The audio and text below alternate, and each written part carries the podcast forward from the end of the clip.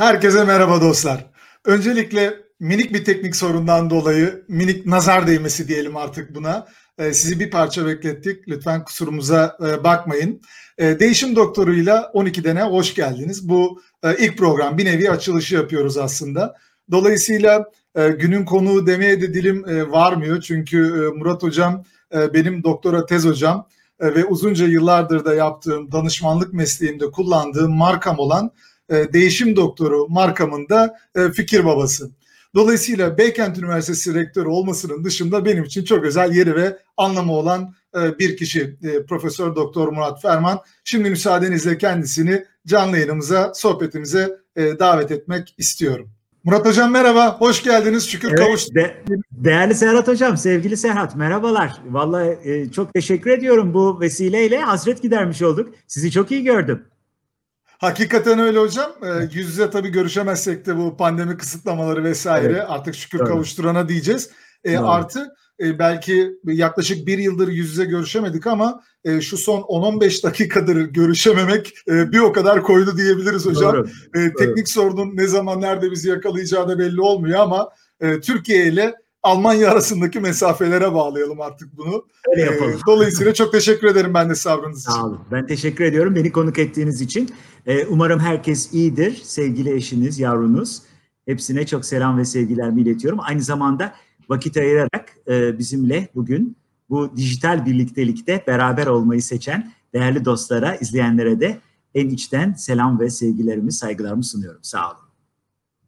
Eksik olmayın. Çok teşekkürler hocam. Ee, aslında e, bugün normal şartlar altında böyle yani günün konuğu diyoruz ama size de biraz önce açılışta söylediğim gibi e, günün konu günün konuğu demek de çok e, içimden gelmedi. E, bir nevi ev sahibi demek lazım. Bugün aslında bu e, sohbet ve programı birlikte açıyoruz diyelim. E, biraz önce bahsettiğim gibi e, Murat Hocam, Doktor Ötez Hocam ve e, e, danışmanlık markam olan Değişim Doktoru markamın da fikir babası. Bunun hikayesini birazdan e, gayet keyifli bir e, hikayesi var. Bunu da sizinle e, paylaşmayı isterim ama hocam ben konuya girmek istiyorum. Evet. E, içinden e, geçtiğimiz e, böyle türbülanslı bir e, koridordayız pek çokları açısından.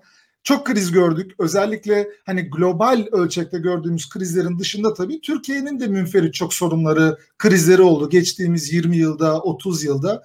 E, sanki bu öncekilere pek benzemiyor e, gibi pek çok açıdan baktığımızda ülke ekonomisi e, içinden geçtiğimiz bu türbülansta ne kadar hassas, o kadar çok üzerine polemik yapılan bilgi kirliliği var ki söz gelimi Merkez Bankası rezervleri para bittiydi, bitiyordu, açığa para basmıştık, basmamıştık, dolar 10 olacaktı, altın 550'yi geçecekti falan filan derken özellikle tabii e, değişkenlik ve oynaklıktan etkilenen piyasalar, başta ithalat ve ihracata endeksi sektörler olmak üzere burada bizi takip eden dostların tamamının aklında aynı soru var.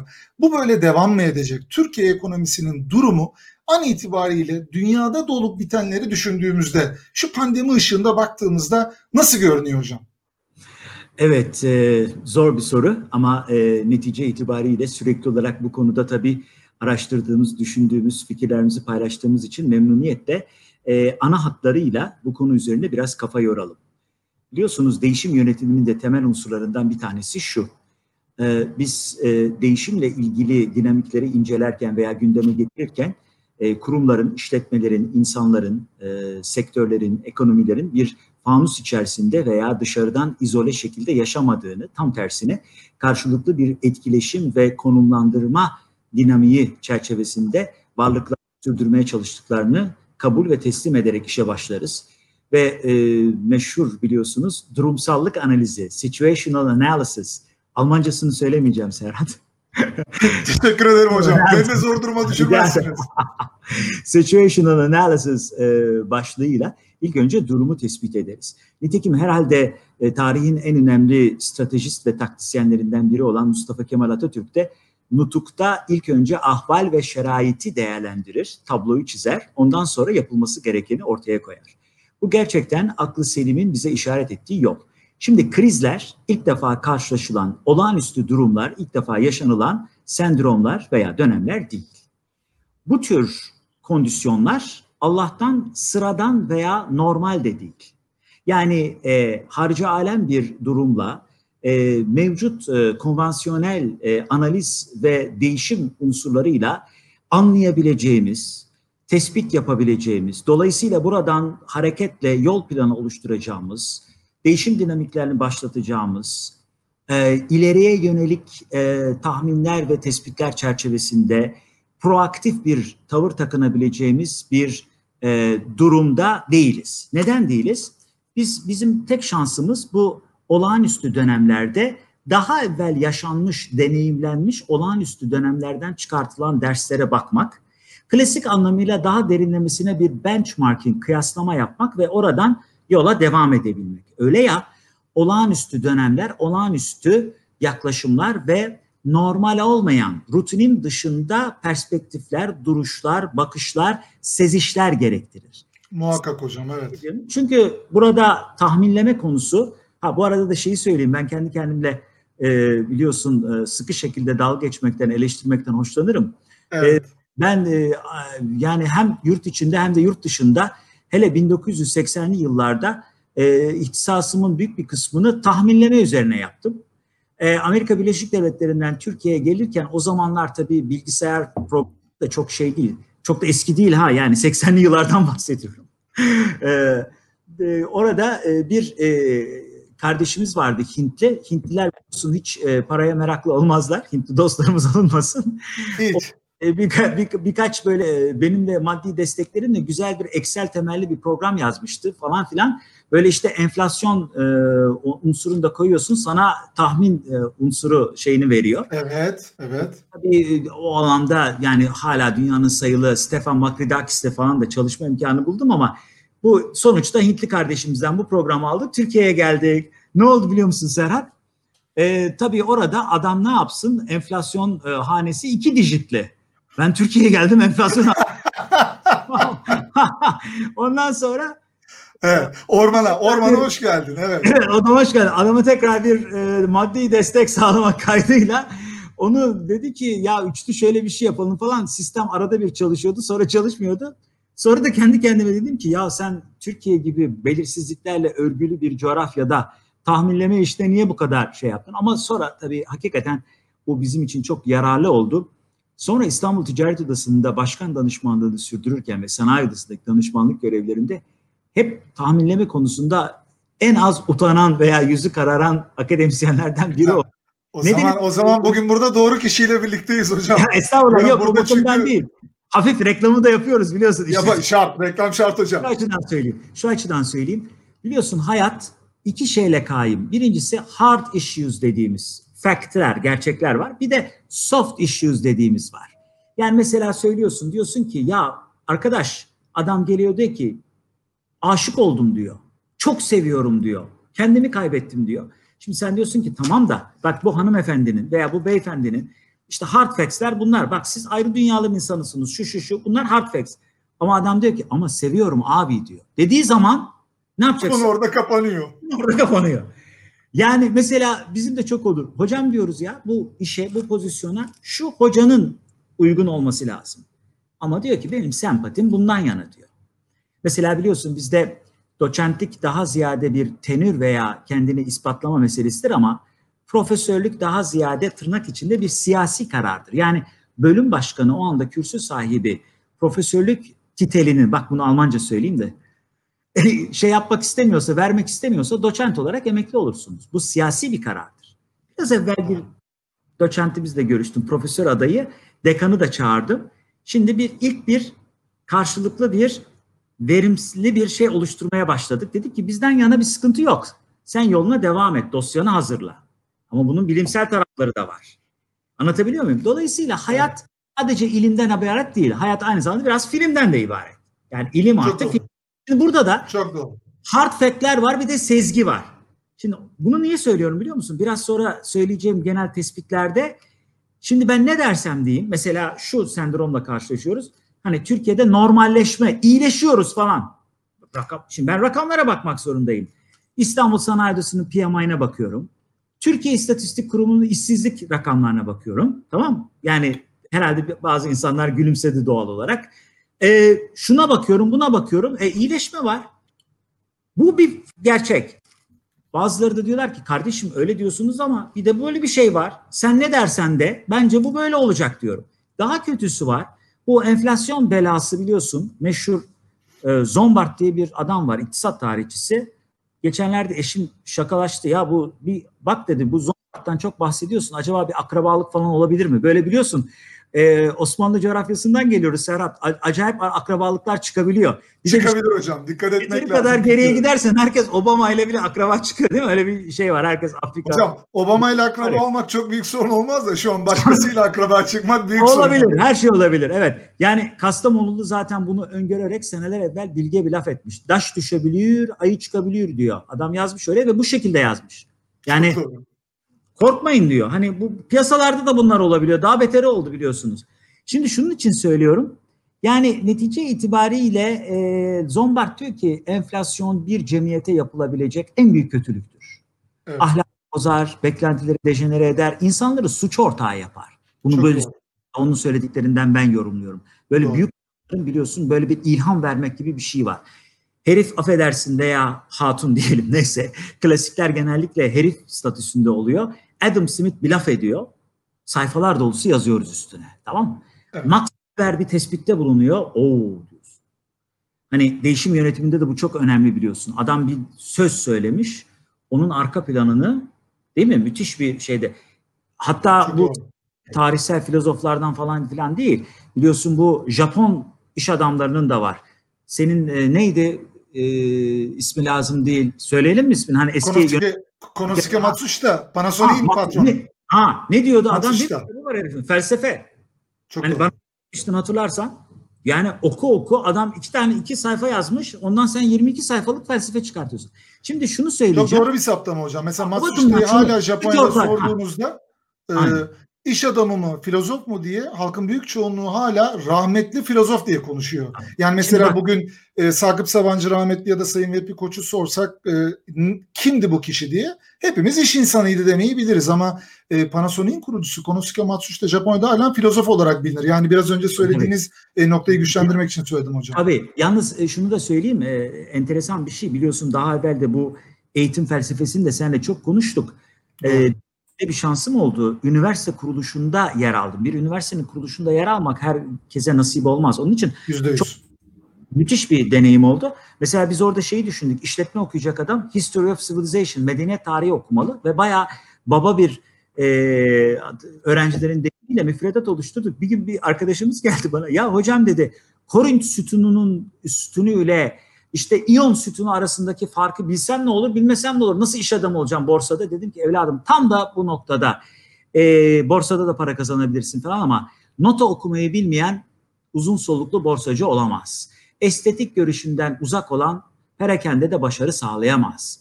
Dünya Bravo. hakkında bir duruşun, felsefen, birikimin olmazsa malumat üzerinde malumat furuşluk yaparsın, arkası boş kalır. Sen bunu herhalde değişimde en iyi gören insansın.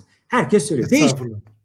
hani bir aralar şey vardı, hop hop hop, haydi ta- tonton diye bir şey vardı. Tonton değişiyor. Evet değiş tonton. Değiş tonton. Herkes böyle şey diyor. Hani e, değişelim, güzelleşelim. Ya o kadar Tabii öyle olmuyor işler tabii. Makyaj yani yapmak gibi olmuyor herhalde bu çok işler. hoşuna geliyor. Benim tabii ben akademi, akademinin biraz koruyucu kanatları ve kul, e, fil dişi kulesinde yönetici olduğum için maaşlarımız tabii görece daha iyi oluyor. Böyle dışarıda koşuşturmak durumunda kalmıyoruz. Belki de tembelliğimizden bilmiyorum bir konfor. Estağfurullah hocam. Ama yani sen daha iyi yaşıyorsun. Mesela söylüyorlar Serhat hocam değişelim. Kutuyu açıyorsun. Pandora'nın kutusunu sonra ya hocam ne yaptın diyorlar ya. Ne yaptın diyorlar. Ben de hep söylerim. Başımıza iş çıkardın hoca. öğretme kötüyü. Yani bu toplam kalite ilk meş- meşhur olduğunda e, hasbelkader biz de Amerika'dan gelmiştik. Bu konuları işte Türkiye'de söylüyoruz, yazıyoruz. Harp okulunda da bilmem kaç sene bu dersi okuttuk. Ondan sonra bakıyorum toplam kalite insanlar böyle diyor. Hocam ISO 9000 aldık. Problemlerimiz arttı. E tabii. Tabii. Öyledir. Bu sana başlangıç noktası veriyor. Bu şeye gibi.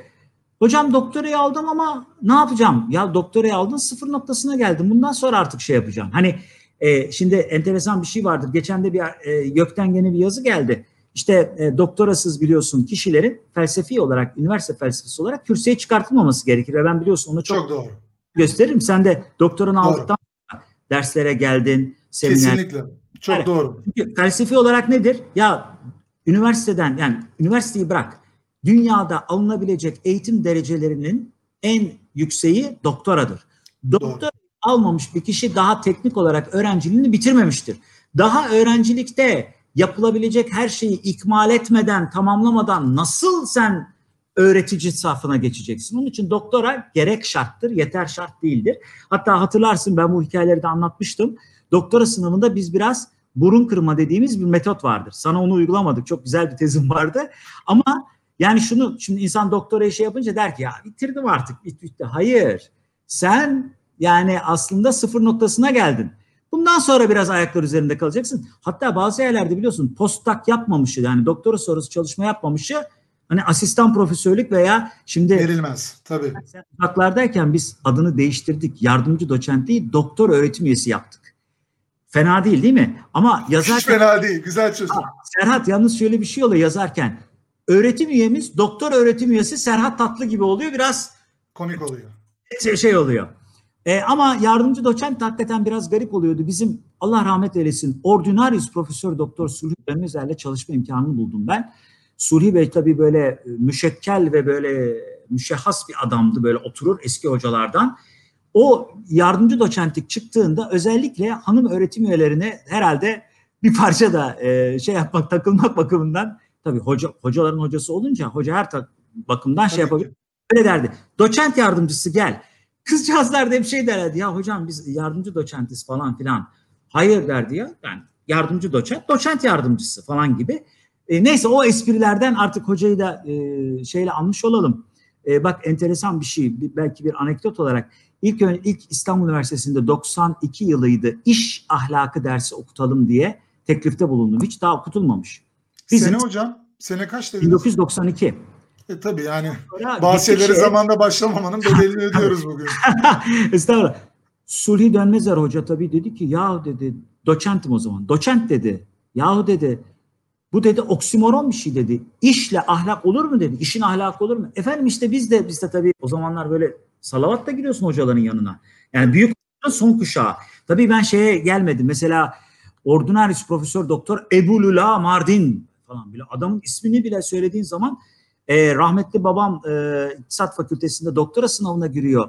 E, sen bilmiyorum merkez binayı gezmiş miydin? Böyle bir bina var doktora salonu nakışlı falan. Şimdi biliyorsun onun restorasyonunu yaptık. Biz de zamanında ona e, katkı sağlamıştık. E, böyle bir şey var e, Serhat. E, yukarıda böyle bir kürsü var ama mahkeme kürsüsünden yukarıda karşısında doktor adayı böyle bir sandalye var oturuyorsun. Halka açık böyle şey. Rahmetli babam giriyor. Böyle isimler sayıyor. Ömer Lütfi Barkanlar bilmem ne şöyle falan, bunlar falan. Ve böyle oluyormuş mesela. Konuş. Adam böyle elini kaldırıyor. Sus. Özür dilerim. Şunu hemen kapatayım. Bloomberg yabancı değil.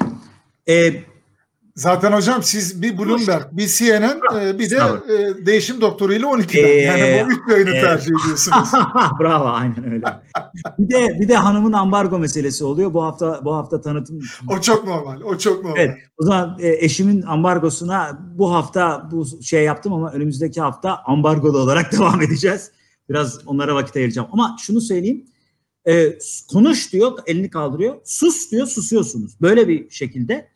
Yani e, oradan gelince şu konuyu dağıtmayalım. E, şu oldu. E, hocaya dedim ki efendim işte biz bunun ne gibi problemler olacağını ortaya koymak için tamam dediler, müsaade ettiler. İş ahlakı başladı ama doğru onun isminin tabii iş etiği olması lazımdı. İş etiği şekliyle Doğru. sonra da devam etti. Şunu söylemeye çalışıyorum. Enflasyon suç ortaklığı yapıyor. Nasıl yapıyor? Vatandaş şimdi nereden geleceğim, bağlayacağım diyeceksin ki hocam pandemi sorduk, Türkiye'yi sorduk. Nerede? Bak şimdi. Olağanüstü dönemdeyiz. Bir. Bir kere bunu bir tarafa koyalım enflasyon bir parantez açayım. Olağanüstü dönemlerde nasıl bir duruş olacak? Bundan sonra nasıl seyredecek? Benzeri olağanüstü dönemlere bakıyoruz. Tarihe dönüyoruz. İlk önce söylendi. 29 bunalımı mı? Hayır değil. 2008 krizi mi? Yok değil. Tarihte arıyorsun arıyorsun Serhat en fazla bir büyük donma diye bir felaket yaşanmış. Tamam mı? Büyük donma. Avrupa'da böyle 3 ay boyunca eksi 40 dereceler falan buzul çağı gibi bir şey olmuş. İnsanlar telef olmuş. Evlerinden çıkamamışlar. O zamanki lojistik sistemi tamamen kaput. Bu da Almanca biliyorsun. Kaput. Dolayısıyla böyle bir şey diyorlar ki olsa olsa buna benziyor diyorlar. Belki. Ama olayların sıcağında yaşarken nasıl bir serim gösterecek bunu tahmin edemiyoruz. Öngörebiliyoruz. Öngöremeyince güvensizlik ve belirsizlik el ele giden faktörler. Ne oluyor? Güvensizlik endeksi dediğimiz altın ön plana çıkıyor. Yetmiyor. Bunun biliyorsun mütememmim cüzü var. Eskiden öyle değildi. Bu Teksas'ta Hunt biraderler vardı. Yaşıyorlar mı öldüler mi bilmem. Pek de umurumda değil. Ama bunlar gümüşü biliyorsun spekülatif bir unsur olarak sunmuşlardı. Doğru. Bu devreye giriyor. 2000 dolara altın çıkıyor. Öbürü de e, avro nasıl yancısı doların hani kendinin hiçbir kıymet harbiyesi. Gümüş de böyle. 30 doların üstüne çıkar mı? 28 doları test etti. Hocam Biz- müsaade eder misiniz? Çok küçük bir şey söyleyeceğim. Tabii. Affınıza sığınarak. Şu andan itibaren e, bence e, değil e, sosyal medya, televizyon kanalları, orası burası.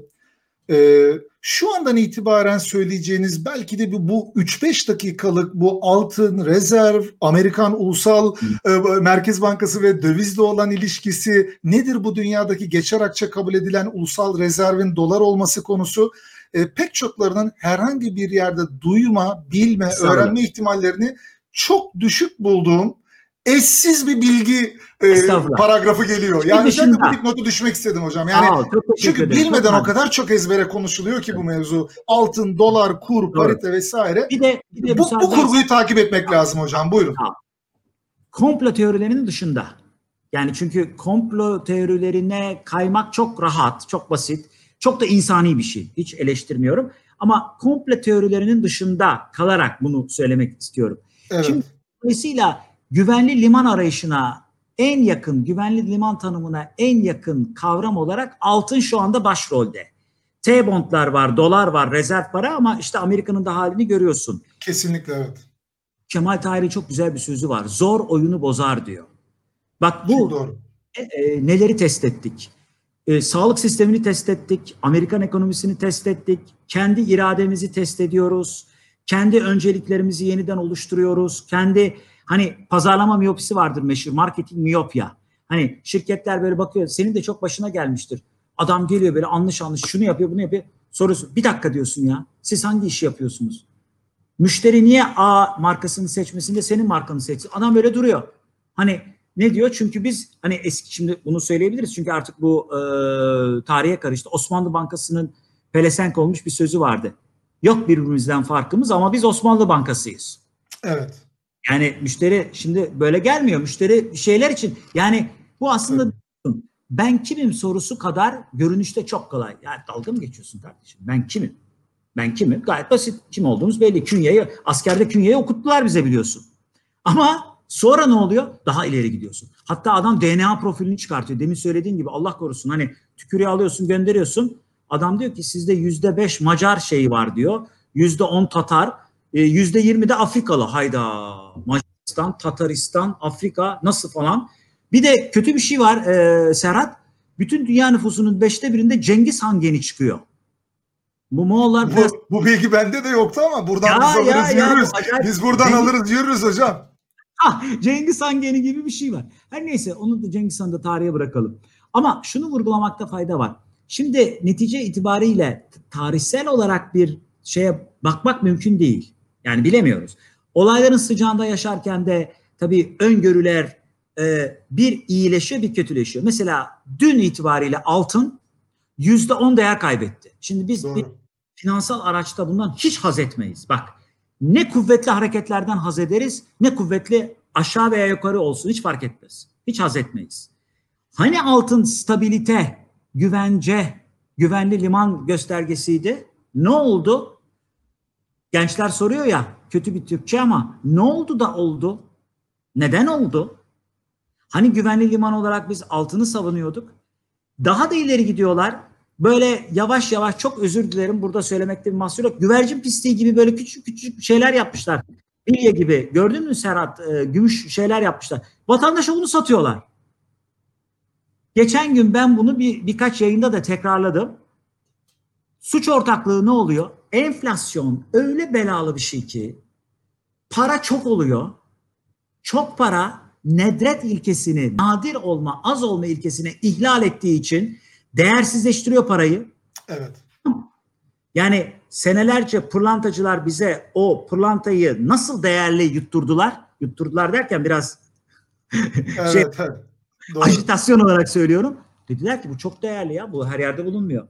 Sonra birdenbire biliyorsun doğala özdeş aroma var ya çok sevdiğim bir kavram. Doğala özdeş aroma.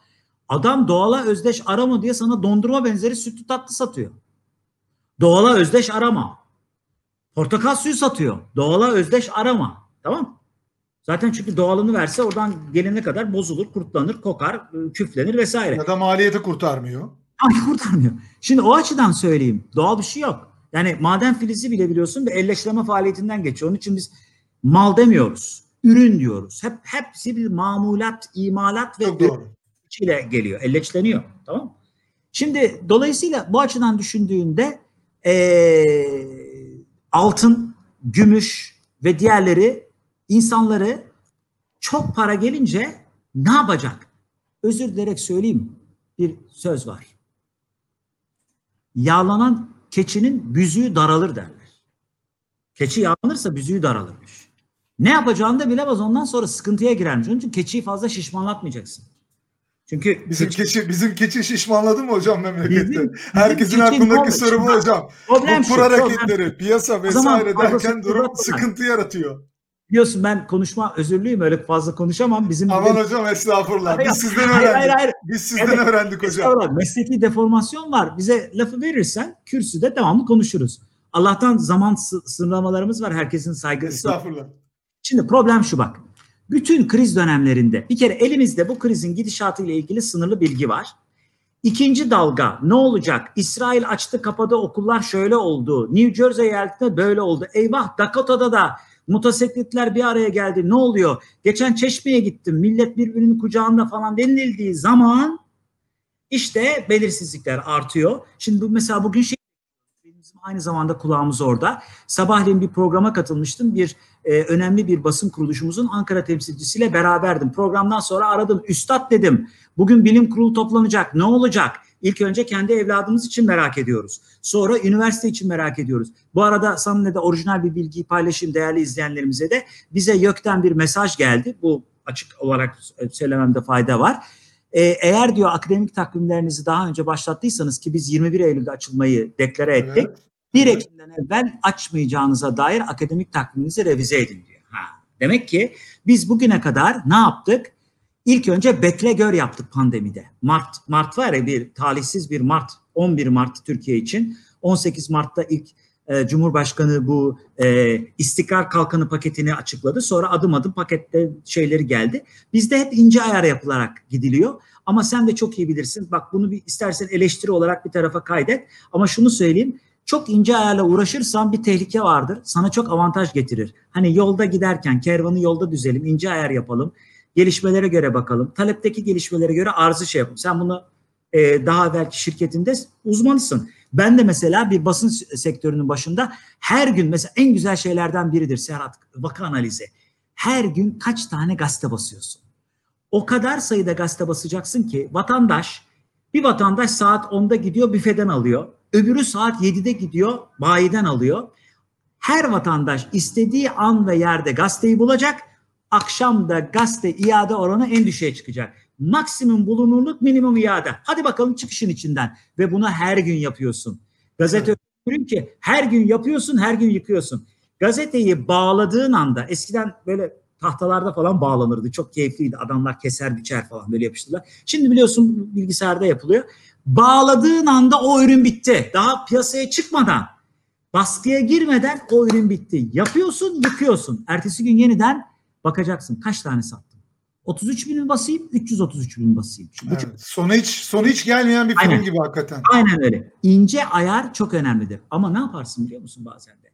İnce ayara çok kendini kaptırırsan koordinasyon ve entegrasyon kaybolur. Şimdi kriz dönemlerinde özellikle bizi izleyen yöneticilerin sorduğu soru şu. Ekonomi yönetimi ana resmi kaybediyor mu acaba? Evet. Bu kritik soru bu. Kritik soru bu Kritik hocam. soru bu. Hani ehliyet, yetenek, bilmem onlar onlar bir tarafa. Onları bir Evet. Araba şeridinden çıkıyor mu? Herkesin İstersen bir aklındaki gün bunu e, değerlendiririz. Ben o konularda konuşmaktan kaçınmam. Ama şunu söyleyeyim. Şimdi mesela BDDK ile e, Türkiye Cumhuriyet Merkez Bankası güzel operasyon yapıyorlar. Pazartesi ha bekliyoruz böyle. Apilerde bilmem ne oldu. Hatta geçenlerde ben canlı yayındaydım.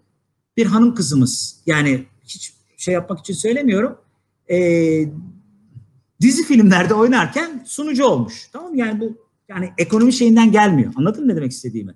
Kızcağızın kulağına söylediler. Api bilmem ne dedi. Şimdi ben kafam tamamen başka bir tarafta. Hocam ne diyorsunuz dedi. Şimdi birdenbire api nedir aklıma gelmedi Serhat. Şimdi ne diyeceğim durdum. Hiç bozmadım. Evet. Çünkü top yuvarlanmaya başlayınca mecra bulur. Anladın? Aynen oyun oyun başlamış olur yani. vermek lazım. Sonra kıra döke bedelini ödeyerek gidersin. Konuşmaya başladım. Üçüncü cümlede geldi aklıma toparladım. Ama şunu söyleyeyim. ince ayarlarla çok uğraşırken ana resmi kaybetmememiz lazım. Muhakkak. Türkiye'nin o zaman şunu hemen söyleyelim. Çünkü e, bunları söylemezsek vakit darlığı sonra gelecek. Türkiye'nin bir numaralı problemi şu. Enflasyon belasından kurtulmak. Çünkü bu enflasyon ne biliyor musun? Zemin sağlam değil. Zemin sağlam olmadıktan sonra efendim Türkiye'de ekonomi yönetimi şimdi bak e, merke, e, şey özür dilerim Dünya Bankası'nın en son raporu var. Şurada masamda. Dünya Bankası raporu.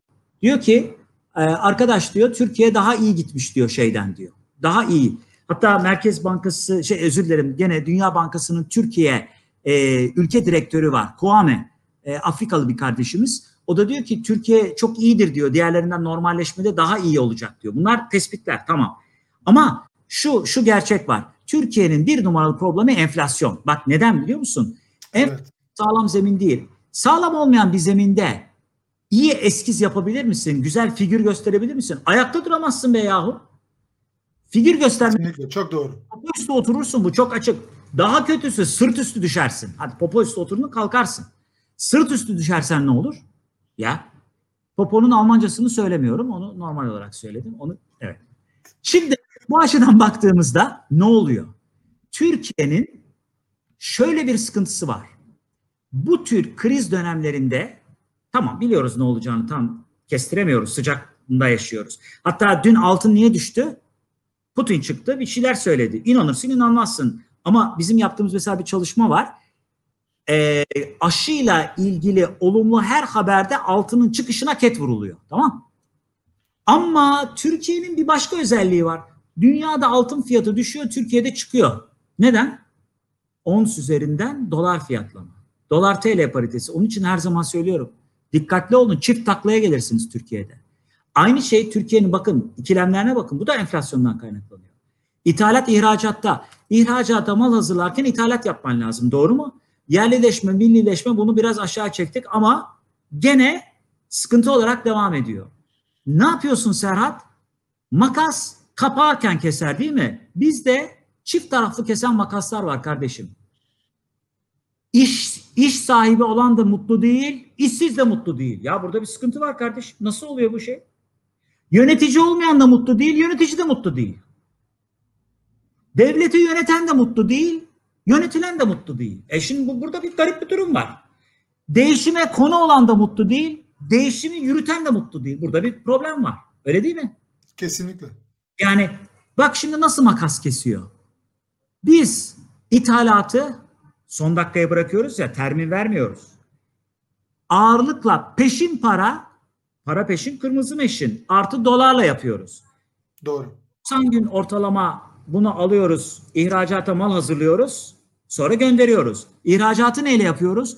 Ağırlıkla avro ile yapıyoruz, vadeli yapıyoruz. Al sana kur riski açarken de kaparken de. Kesinlikle. En çok dikkat Arbeyi, alması gereken değişimi- gerçeğimiz Ha. bu. Katma değeri mi düşüneceksin, kur riskini mi düşüneceksin? Anladın mı? Şimdi bütün bu rezilliğin, özür dileyerek söyleyeyim, bütün bu rezilliğin Hakikaten öyle ama. müsebbibi kim? Enflasyon. Enflasyon kendinden mi gelmiş? Yo, senelerdir bilerek, isteyerek biz enflasyonu hayat tarzı yaptık. Çünkü çok paradan hoşlanıyoruz. Rahmetli Demirel'e ben bunu sordum. O da doçent derdi o zaman. Do- doçent dedi bu konulara fazla girme. Dedim ki efendim ben anlayamıyorum. Dünyada enflasyonla bir sürü şey mücadele eden İsrail yapmış bunu, Venezuela yapmış bunu, Arjantin yapmış. Ama orada yüzde binlere çıkmış enflasyon. Milletin artık aman demişler. Bizde cici bilinen kontrol edilen enflasyon var. Yüzde yüzün üstüne çıkıyor hemen aşağı iniyor. Tansu ablamız vardı biliyorsunuz. Tansu'ya ben zaten Tansu sevdiğimiz evet, sevdiğimiz bir ablamızdır evet. E, yani ben biz, Türk ekonomisine için, çok büyük katkıları olmuş. Katkıları var. Ben bir sene de Boğaz içinde aynı ofisi paylaştım. Yani dolayısıyla bir hukukumuz da var.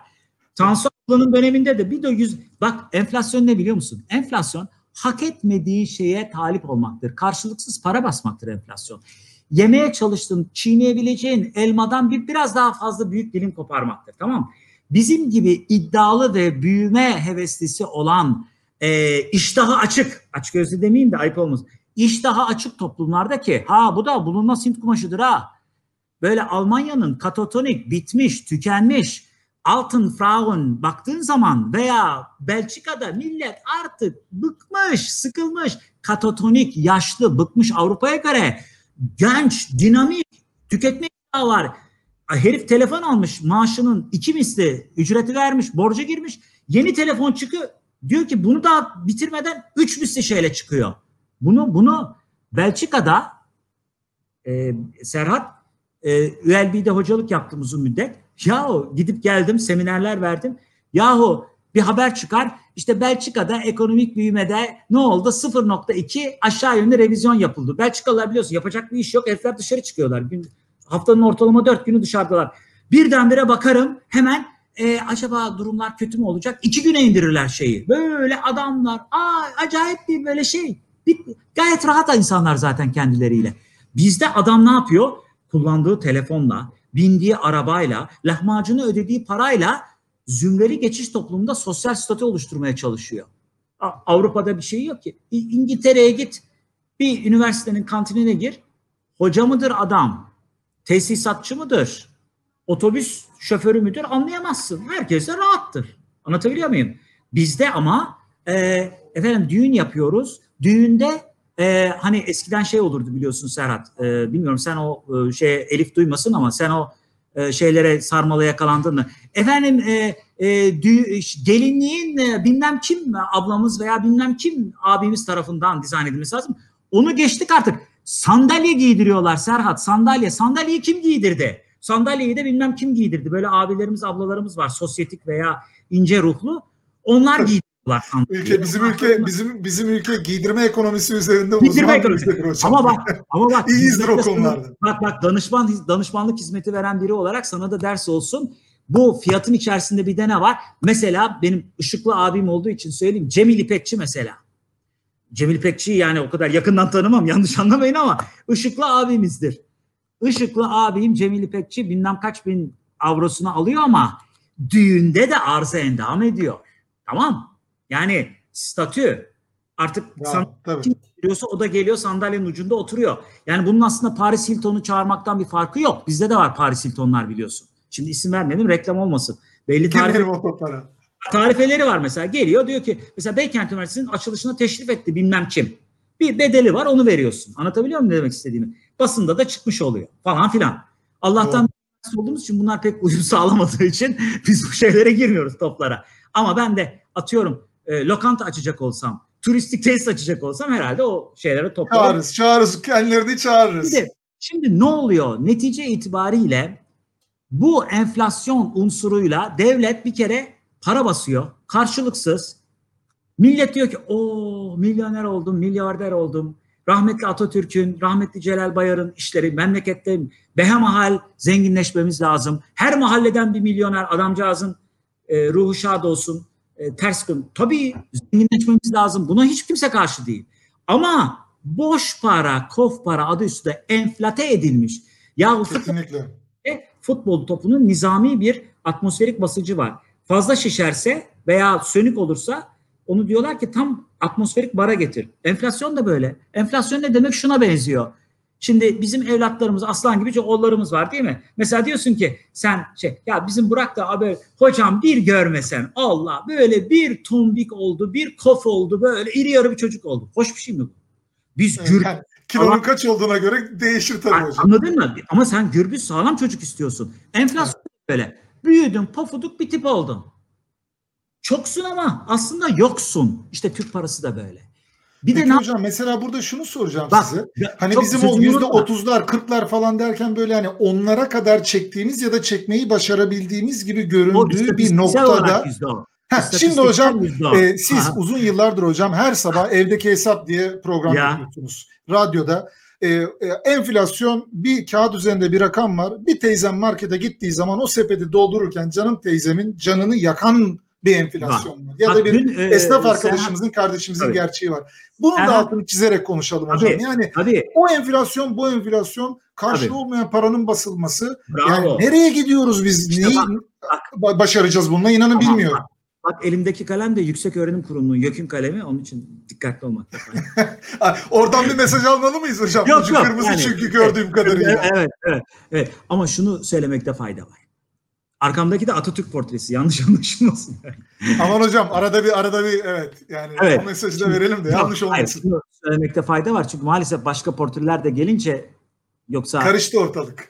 Karıştı ortalık. Şimdi şunu vurgulamakta fayda. Başka portreler derken sakın yanlış anlaşılmasın e, devlet başkanının portresinden bahsetmiyorum. Neticede protokol olarak başka Osmanlı tarihinden sultanların falan portreleri geliyor. O bakın onu söylemeye çalıştım. Yanlış anlaşılma olmasın. Şimdi şunu vurgulamakta fayda var.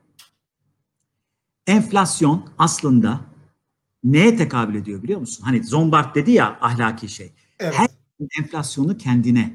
Enflasyon adaletli bir şekilde can yakmıyor. Fakire daha fazla vuruyor. Dün, sen söylediğin için söyleyeyim. Rahmetli Güngör Uras hocamız biliyorsun Ayşe teyzenin Ali Rıza amca e, rahmetlinin e, mahlısı da Ali Rıza ismini kullanırdı. Dedesinin ismi. E, senelerce e, NTV Radyo'da bu programı sürdürdü. Vefatından sonra arıyorlar soruyorlar. Böyle dilli düdük kim vardır hocalardan diye. Bizi buluyor. Estağfurullah evet. Yok yok öyle yani bu her hocanın yapacağı bir şey değil açık. Şey. Şüphesiz kesinlikle hocam. Yani bugünün, bugünün gerçeklerinde hiç değil yani. Evet, doğru, doğru konuşalım. Her gün haftanın beş günü her sabah 5-6 dakika canlı yayın yapıyorsun. Ve bunu yıllardır sürdürüyorsun. Bunun Ankara'sı var, Almanya'sı var. Ben çok yapmışımdır. Hatta geçen gün uçaktaydım. Bir e, hostes arkadaşımız dedi ki hocam dedi siz de dedi yurt dışına gitmiştik. Uçaktan inerken bir dakika bana müsaade edin canlı yayın yapmam lazım diye bizi bekletmiştiniz beş dakika dedi kadıncağız. Anlatabiliyor muyum ne demek istediğim? Hocam kulağınız çınladı mı peki o yayını evet, yaparken herhalde, uçaktakiler açısından kulağınız çınladı mı? Yani acaba? herkes indikten sonra beş dakika beklettim ben. Anlatabiliyor muyum? Tabii yani, tabii, tabii tabii. Herhalde ama unutamamış da yani laf aramızda. O da bir enteresan bir şey yani. Sizi unutmak kolay mı hocam? Estağfurullah. Estağfurullah. Ben de unutamadım herhalde. Şimdi ama şunu söyleyeyim. E, bu programda bunu anlattım biliyor musun? Neden biliyor musun? Türkiye'de hane halkı harcamalarına göre iktisadın en temel kuralı sen de bunu okudun, okuttun biliyorsun. Görece yoksul olanın gelirinin büyük bir kısmını, kazancının, iradının büyük bir kısmını neye harcaması gerekir? Temel ihtiyacı harcaması gerekir. Adam zaten fakir. Muhakkak. Parasının yarısını da kiraya, boğazına harcıyor. Böyle görüyorsun adam diyor ki şu kadar maaş alıyorum diyor zaten. Kira, elektrik, su bilmem ne gidiyor 300 lirada para kalıyor diyor adam. Böyle bakıyorsun. 300 lirayla nasıl geçineceksin? Tamam mı? Ee, gelir düzeyin arttıkça temel ihtiyaca harcadığın miktar artabilir ama oransal olarak düşer. Tamam Adamın belki toplam gelirinin 3 mislini markete harcarsın. Market harcaması yaparsın. Bu da bilimsel bir terim değil ama halkın terimi. Ama netice itibariyle senin o, o belki e, iradının yüzde biridir. Tamam bu kadar basit. Şimdi e, bir yüzde yirmilik dilimler halinde biliyorsun bunlar yapılıyor. E, ekonomi basının değerli gazetecilerinden Alaaddin Aktaş TÜİK'e sormuş yüzde beşlik dilimleri verin. TÜİK de vermiş. Ben çok değerli bir bilgi ondan yola çıkarak dün onları anlattım. Yani mesela çok acayip şeyler var çok üzücü. En düşük en fakir yüzde beş eğitime 0.6 harcıyor. Yüzde birini bile ayıramıyor. En varsıl yüzde 33 ayırıyor. Bak dikkat et. Onun için mesela temel eğitimin ne kadar önemli olduğu ortaya çıkıyor. Tamam. Şimdi şunu söylemeye çalışıyorum. Enflasyon o bakımdan Zombart diyor ki en ahlaki olmayan en büyük kötülüktür diyor. Herkes vuruyor. Ha şunu da unutmayın. Ya bu enflasyon bu topraklara yabancı değil. Roma topraklarına da yabancı değil. Almanya'yı bilmiyorum. Almanlar biliyorsun enflasyondan acayip korkarlar. Başka bir şey söyleyeceksin. Hiç, hiç, hiç sevmedikleri bir şey hakikaten burada. Hiç sevmedikleri bir şey. Ben e, bir yayında benim özel koleksiyonumda var. Bu eski enflasyon dönemlerinden kalan Reichmarklar var. 10 milyon mark falan. Bunları tek tek gösterdim. Ee, sunucu hanımefendi dedi ki Allah Allah ben de şaşırdım dedi. Bir de dedim Allah korusun Zaire parası var dedim. İşte enflasyon böyle bir şeydir. El arabasıyla taşırsın tamam mı bir tane ekmek alırsın. Allah bu duruma düşün. Onun için Almanlar acayip sıkıdırlar. Ama Almanlar biraz bu işin dozajını kaşır, kaşırdılar. En son Berlin'de bir konferansa geldim. Europäische Institute'da. E, fena değil Almancam görüyorsun yani. E, aksan güzel hocam. Hochdeutsch yani Hayır. bizim tam orada Hannover bölgesinin Almancası gibi hocam. E, e, Anayasayı Koruma ve Kollama Kurumu falan seyrediyor mu bunları? Kayıt altına alıyor mu? Ede, edebilirler. Onlara da selam. Be, beni yakından takip ediyorlar hocam Alman hükümeti yani, de o yüzden sorun olmaz. Orada, orada çok Bavyeralı arkadaş vardır. Guru Scott diyelim de e, bu şey yapmasın herhangi bir sıkıntı olmasın. E, yani netice itibariyle orada da söyledik. Almanya'da varlık içinde yokluk çekiyor. Okullar affedersin tuvaletleri temizlemeye para yok, fazlalık var. Ama son dönemlerde biraz imana geldiler galiba. Bunu nasıl harcarız diye mali disiplinden. Ama bu sefer de eli sıkı dörtlü çıktı. Eli sıkı dörtlünün içinde tabii Almanya'nın mütememmim cüzü. Alman olamadın bari Avusturyalı ol kabilinden. Bunu Avusturyalılar seyretmiyor değil mi? Seyretmesin. Ha, tamam. Seyredenler vardır hocam. Avusturya. Ha. Yani Avusturya'dan çok eşimiz dostumuz var takip. hayır hayır Avusturyalılar seyretmiyor. Mesela Avusturyalı biliyorsun başbakanı var. Tabii, o tabii. Türkleri çalıştırdı kahvede garsondu. Stefan çok iyi tanırız yani biliyoruz. Sever Türkleri çok sever. O, o dönemden kalma güzel anıları vardır. Bir başka programda anlatırım sana. Ama şunu söyleyeyim. Şimdi Avusturya Teşkilatı da izlemeye başlayacak. Serhat kusura bakma ya bu sözler. Sizin böyle olaylarınız var ama sizin bu programdan sonra sizin program... Çin konsoloslarının telefonla aradığını biliyorum yani. o yüzden e, sizin konuşurken açıkçası e, bu bir tesadüf değil de sizin e, dersler, amfi vesaire hani kapalı kişi. Ay biz kapıya engel oluyorduk ki arkadaş biz 10 kişi doktora da anca duracağız. Dışarıda 150 kişi sıra bekliyor. E, Murat Hoca'nın dersini dinleyeceğim diye. Sizin reytingler hocam pek akademisyen reytingleri gibi değildir. Sizin e, sıra dışı takipçi kitleniz var. Bunu hepimiz biliyoruz. Guangzhou School of Management'a gittim. Çin'in en prestijli işletme fakültesi. Bir hafta bir seminer vereceğiz. E, dediler ki e, her şeyde Komünist Parti'nin bir temsilcisi var. E, tanıştırdılar beni. Dedim ki bu önemli değil. Esas diğerleri kim? Bizim e, Türkiye'de de böyledir. E, genelde yöneticilikte yaptığımız için mesela eskiden sen öğrenciliğinden de hatırla deri ceketli elinde defterle gezen arkadaşlar olurdu. Onlar zaten belli. Esas kim? Esas sıranın önünde oturan mahcup hanımefendi, e, arkadan gelen e, alabras tıraşlı arkadaş, e, işte e, bilmem e, hip hop görünümlü kardeşimiz, esas arkadaşlar bunlar. Zaten onun için biz e, devletin bu unsurlara güveniyoruz. O kadar iyi blending yaparlar ki her türlü istihbaratı toplarlar. Neyse istihbarat bilgidir biliyorsun. Bilgisizlik olmaz. Bilgi açık olacak. Bilgiden hiçbir zaman kaçmayacaksın. Kapalı kapılar ardında sıkıntı olur. Onun için her şeyimiz açık ve nettir. Şimdi şunu söyleyeyim. Ee, Almanya e, şimdi yerini Avusturya'ya, Hollanda'ya değil mi bazı böyle e, Doğru. kötü adam rolünü oynayacak yeni aktörler var. Çünkü bu Yunanlı kardeşlerimiz e, e, Frau Merkel'i bayağı hırpaladılar. Kadıncağızın. Evet tabii şimdi İtalyanlar da aynı şekilde. Ya işte e, neyse bağırıyorlar. Onlar da e, seviyoruz bu şeyleri Akdeniz coğrafyasından ama hani arka planını daha iyi biliyoruz. Yani Almanların böyle Doğru. bir naif bir e, anlayışı vardır. Hani Almanlar onları anlayamayabilirler. Biz daha iyi anlıyoruz. Ama şunu söyleyeyim size. Enflasyon aslında e, hak ettiğinden daha fazlasını yapmakta. Biz GAP'ı falan enflasyonla yaptık Serhat. Neden biliyor musun? Enflasyon aslında halk üzerine vergi salmaktır. Çok parayı veriyorsun ama sonra enflasyonla halkın cebindeki paranın değerini aslında revize ediyorsun. Anladın mı? Bunu Çok doğru. Ama evet. bizi senelerdir enflasyon vergisiyle de kandırdılar. Şimdi enflasyon ne yapar? Enflasyon çok para olunca insanın zaten beklentilerini değiştirip suç ortağı yapar. Şimdi gelelim meseleye. Bu kadar konuştum. Şimdi bu tür kriz dönemlerinde herkes farklı politikalar uygular. İzlanda farklı politika uyguladı. Mesela İngiltere biliyorsun son günlerde iyiden iyiye enteresan bir hale geldiler. 20 pound'a kadar lokantada şeyinin e, hesabının yarısını İngiliz hükümeti ödüyor.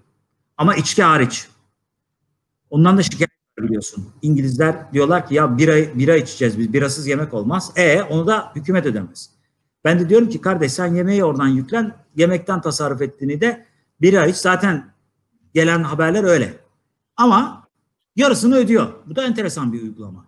Ee, işte e, İngiltere aynı zamanda kiraları Danimarka dedi ki e, ücretin ne olursa olsun tamamını ödüyoruz dedi. Bizde biliyorsun bir 1600 küsür lira ödüyor. Emekliye hiç ödeme falan. Yani değişik şeyler var. Tamam mı? Değişik. Hepsinin bir ortak paydası var. Nedir o? Evet. Arasal genişlemeci. Piyasayı rahatlatıcı unsur. Neden? Çünkü kriz zamanı can suyu vermek lazım. Yani hareket duruyor. Ya nasıl durmasın? Biz hatırlarsan Mart'tan sonra dünya nüfusunun üçte ikisi lockdown oldu. Yani Evet. Kapan, bekle, gör politikasına geçtik. Sonra baktık bu olmadı. Şimdi yaşayarak gör, deneyimleyerek gördeyiz de bunun faturası ne olacak bilmiyoruz. Bu neye benziyor biliyor musun? Geçen gün böyle çok bilimsel tartışmalar ya falan herkes konuşuyor falan. Bizim de tıp fakültemiz var tabii uzmanlar var. İşin kötü konuyu da şeyle oldu. Mesela değişim her daim biliyorsun popüler falan. Yani sen zaten en popüler adamlardan birisin ama mesela. Tıpta epidemiyoloji böyle ne iş yapıyorsun? Enfeksiyon hastalıkları uzmanıyım. Pek böyle moda değildi. Hiç sen Allah aşkına geçen sene enfeksiyon hastalıkları uzmanı görüyor muydun programlarda? Kim çıkıyor? Televizyonda görmüyorduk hocam. Hakikaten durum bu. Yani cerrahisi. bir rahatsızlık yaşadığımızda gidiyorduk. Evet. Estetik bilmem ne falan. Birdenbire bu enfeksiyoncular şey oldular ha. Süper e, evimizin bir parçası oldular. Hakikaten öyle. Görmeyince huzursuz oluyoruz hocam. Ha mesela diyorsun Mehmet Hoca ne dedi? Ankara'dan bilmem kim hoca şöyle demiş. E, işte hani şey gibi nefesi kuvvetli bir hoca varmış bilmem ne tarafta oraya gidelim gibi olmaya başladık ya. Mesela şeyciler var. Mehmet hocacılar var. Ateş hocacılar var. Çocuğu, ha, ateş hocacılar var. Ateş Maskeciler var. Maske karşıtçıları var. dostumdur. O da biliyorsun Boyna Ateş'in şöyle bir şey var. Boyna şey diyor. Ben biliyorsunuz Tokat Niksarlıyım. Tokat'ı Bir oradan veriyor. Bu şeye benziyor. Şimdi bu parayla biliyorsun tanıtım şeyleri var. Televizyona çıkılıyor. Biz bu dönem çıkmadık bir yere. Hani paralı şeyler var. E tercih rehberi falan filan. Şimdi orada göya üniversitenin ismini söylememen lazım. E, reklam değil tamam mı? Dolar olarak alıyorlar ücretini. Şimdi çıkıyorsun bazı hocalar böyle. E, mesela kızcağız soruyor diyor ki e, tıp eğitiminin geleceğini nasıl görüyorsunuz diyor. Tamam ortaya atıyor. Yani soruyor. Evet. Adam söylüyor. Bilmem ne üniversitesi olarak biz şunu görüyoruz. E, bilmem ne üniversite. Adam her lafının başında Evet. sokuşturuyor ya. Bizim Fırsat bu fırsat diye. Mesela ateş hocacılar var vesaire. Neyse. Şimdi geçen gün böyle bu arkadaşların da bulunduğu bir şeyde dedim ki arkadaşlar niye kendinizi yoruyorsunuz ki? Bunu biz bizim coğrafyada çözmüşler. Kastamonular nasıl çözdüyse bizim biliyorsun bazı erbap yolda ürün satarken, yiyecek satarken ne der? Ye de gör. Ye de gör. Yiyen şişman, yemeyen pişman. Şimdi biz ye de görcülere girdik. Yani yaşayarak göreceğiz. Tamam mı? Bunun geriye dönüşü var mı? Zor. Şimdi bütün bu olağanüstü krizlerin kalkınma veya müdahalenin ortak şeyi nedir? Parasal genişleme. Çünkü can suyu vermek. Hareket olacak ki bereket olsun. Yani çarkların yağını eksik tutarsan çarklar donar. Çok fazla da tutarsan dejenere olur. Şimdi neden söylüyorum? Bir örnek daha vereyim. Bitkiyi susuz bırakırsan kurur. Çok fazla su verirsen çürür. Şimdi bizimkiler yazlıktalar, biz buradayız. Hanım tabii direktif veriyor. Diyor ki sula mula falan. Ben unutuyorum tabii. Sonra unuttuğum zaman çok su veriyorum. Baktım geçen gün bitkinin biri bükmüş. Anlayan birine sordum. Dedi ki hocam çok su verirsen de öyle olur dedi. Şimdi bak parasal genişleme iyi. Enseyi karartmayın. 12 trilyon dolar harcama genişleme oldu. Dünyada değil mi hocam? Ha. Bu da hani rezerv para falan eski basma, basma falan yok. Böyle ma- bilgisayarın başına oturuyor. Sen nasıl böyle tak bir düğmeye bastın beni aldın yayına. Tak bir düğmeye basıyor. Jenere ediyor parayı tamam mı? Kimse de sormuyor bunun altın karşılığı var mı hacı diye. Maalesef. 70'lerin 70'lerde Nixon dedi ki yok artık. Ha bir şey daha söyleyeyim. Allah'tan yok. Bu 12 do- trilyon doların karşılığı var ya. Dünyada altın rezervine kadar en baba 200 bin ton. Tamam mı? Bütün hepsi bunu kar- zor karşılar. Bir ton altın 67 milyon dolar. Hesap. Evet. Senede 3 bin ton altın işleniyor. Rezerv o kadar. Yani şey onu da verin. Çünkü nedret olması lazım ki nadir olsun. ki Kesinlikle. Doğru. biliyorsun. O 3000 tonun e, tamamı da Türkiye'de en iyimser tahminlerle, en kötümser tahminlerle bizim yastık altında zaten var. Onun için sana söyleyeyim mi? Borçlar öder misin? Merak etme hiçbir şey olmaz. Biraz sonra rezerv parasını da söyleyeceğim. Sabahleyin bir yayında bunu konuştum. Önümde değil şu anda ama İstersen yan masadan hemen getirebilirim. E, kritik e, eşikte değiliz. Seks, e, en kötümser ihtimalle 90 milyar dolarlık bir rezervimiz olsa bile kritik ödememiz gereken borç 68 milyar dolar. Bu çarkı döndürürüz biz merak etmeyin. Ama rezervler konusunda sıkıntı var.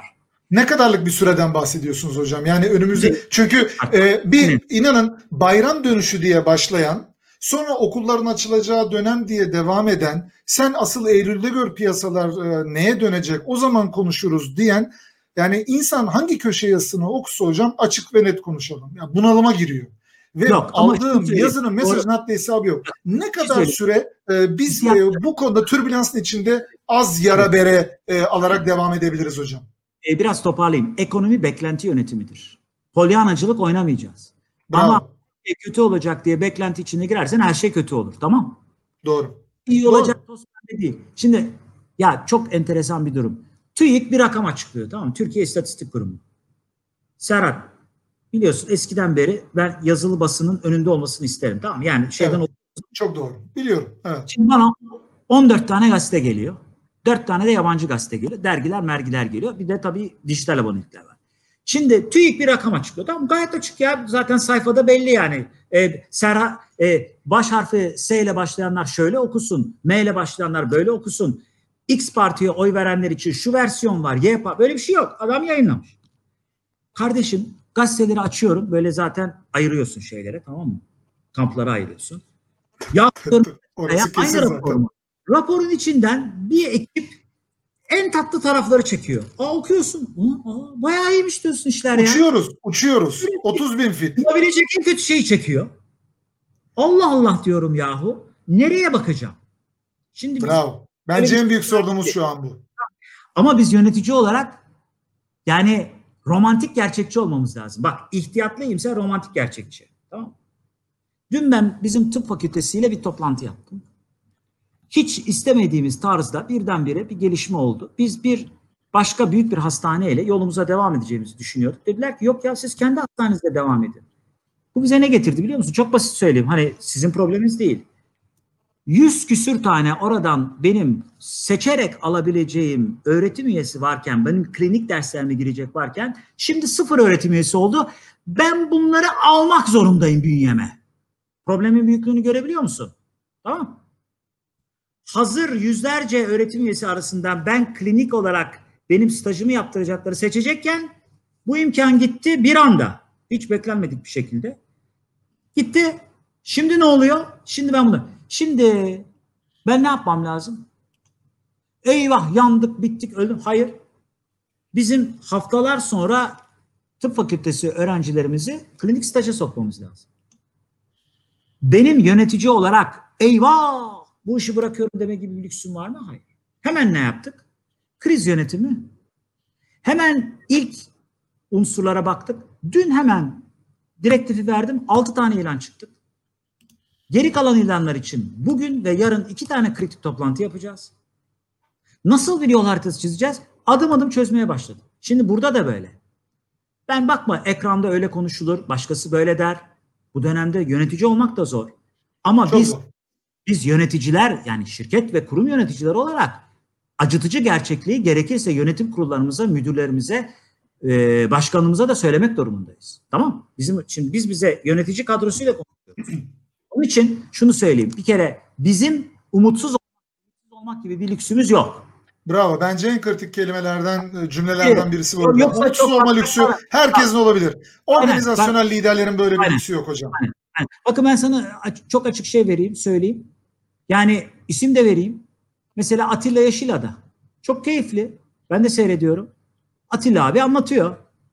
Hatta bu dönemde böyle ne kadar vurursan kritik olursa o kadar iyi. Böyle adam insanlar vardır hani devamlı böyle kritik. Tamam da bir şeylerin de yapılması lazım. Yani tespit etmek lazım. Ben biliyorsun Marksist ekonomi kuramına mensup değilim. O ekole mensup değilim.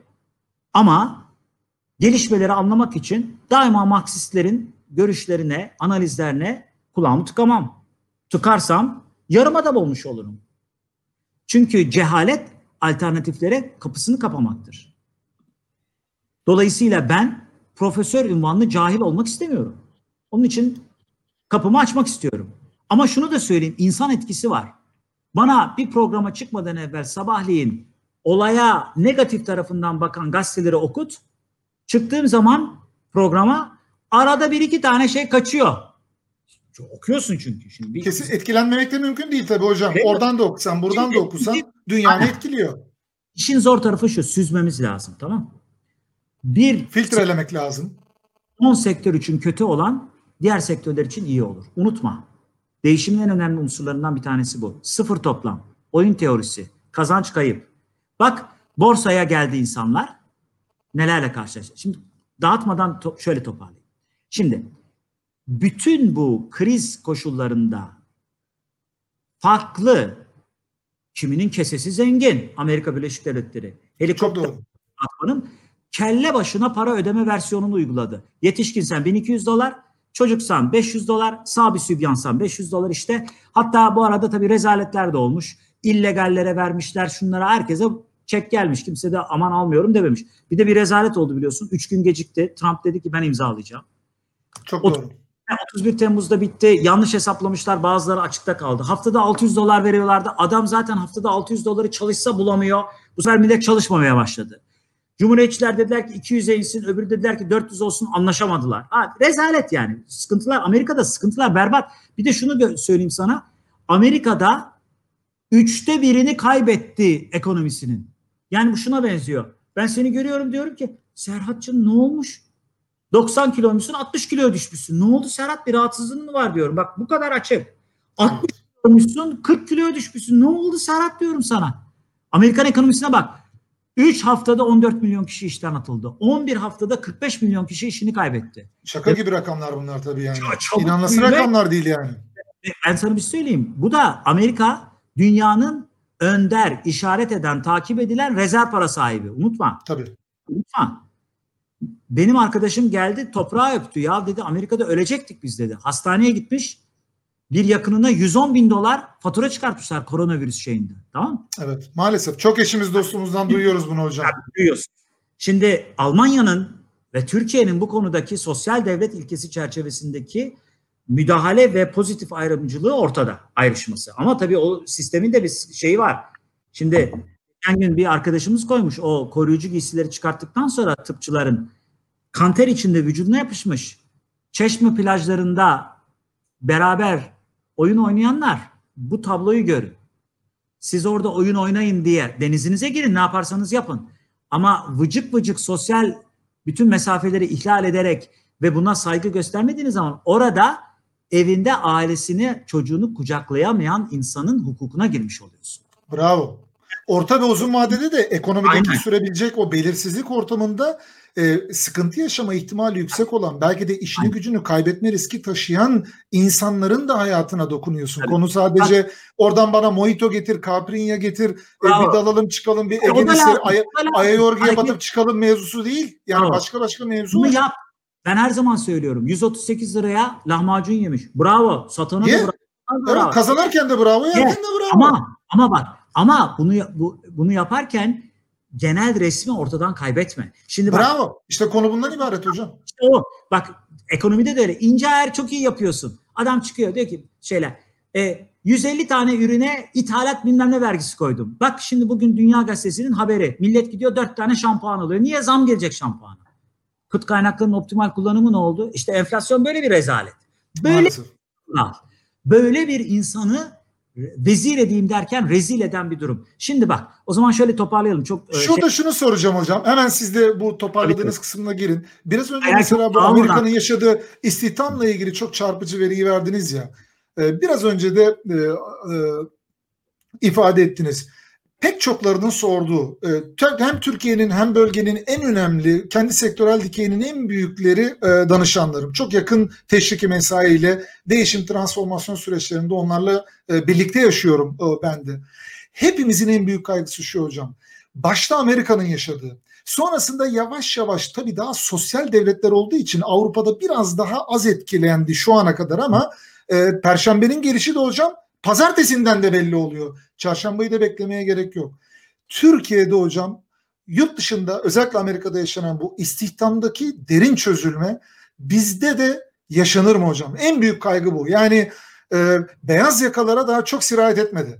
Yani mavi Evet. yakalarda, minik atölyelerde, esnafta işte e, çok da kalifiye olmayan taraflarda büyük problemler yaşandığını biliyoruz. Tatil köylerindeki görevli arkadaşlarımız, kardeşlerimiz, restorandaki restoranlardaki hizmet sağlayan e, kardeşlerimiz gibi. Fakat daha yönetici kademelerine Türkiye'de e, çok dokunulmadı. E, ve bu yılda herkes dedi ki ahlaki etik değerler kapsamında e, biz 2020'yi biraz izleyeceğiz. Hemen bir problem olduğu gibi e, bunun e, cezasını çalışanlarımıza, yönetici liderlerimize çektirmeyeceğiz dediler. De şey gidişat nereye gidiyor hocam? Yani e, konu bundan E, ibaret.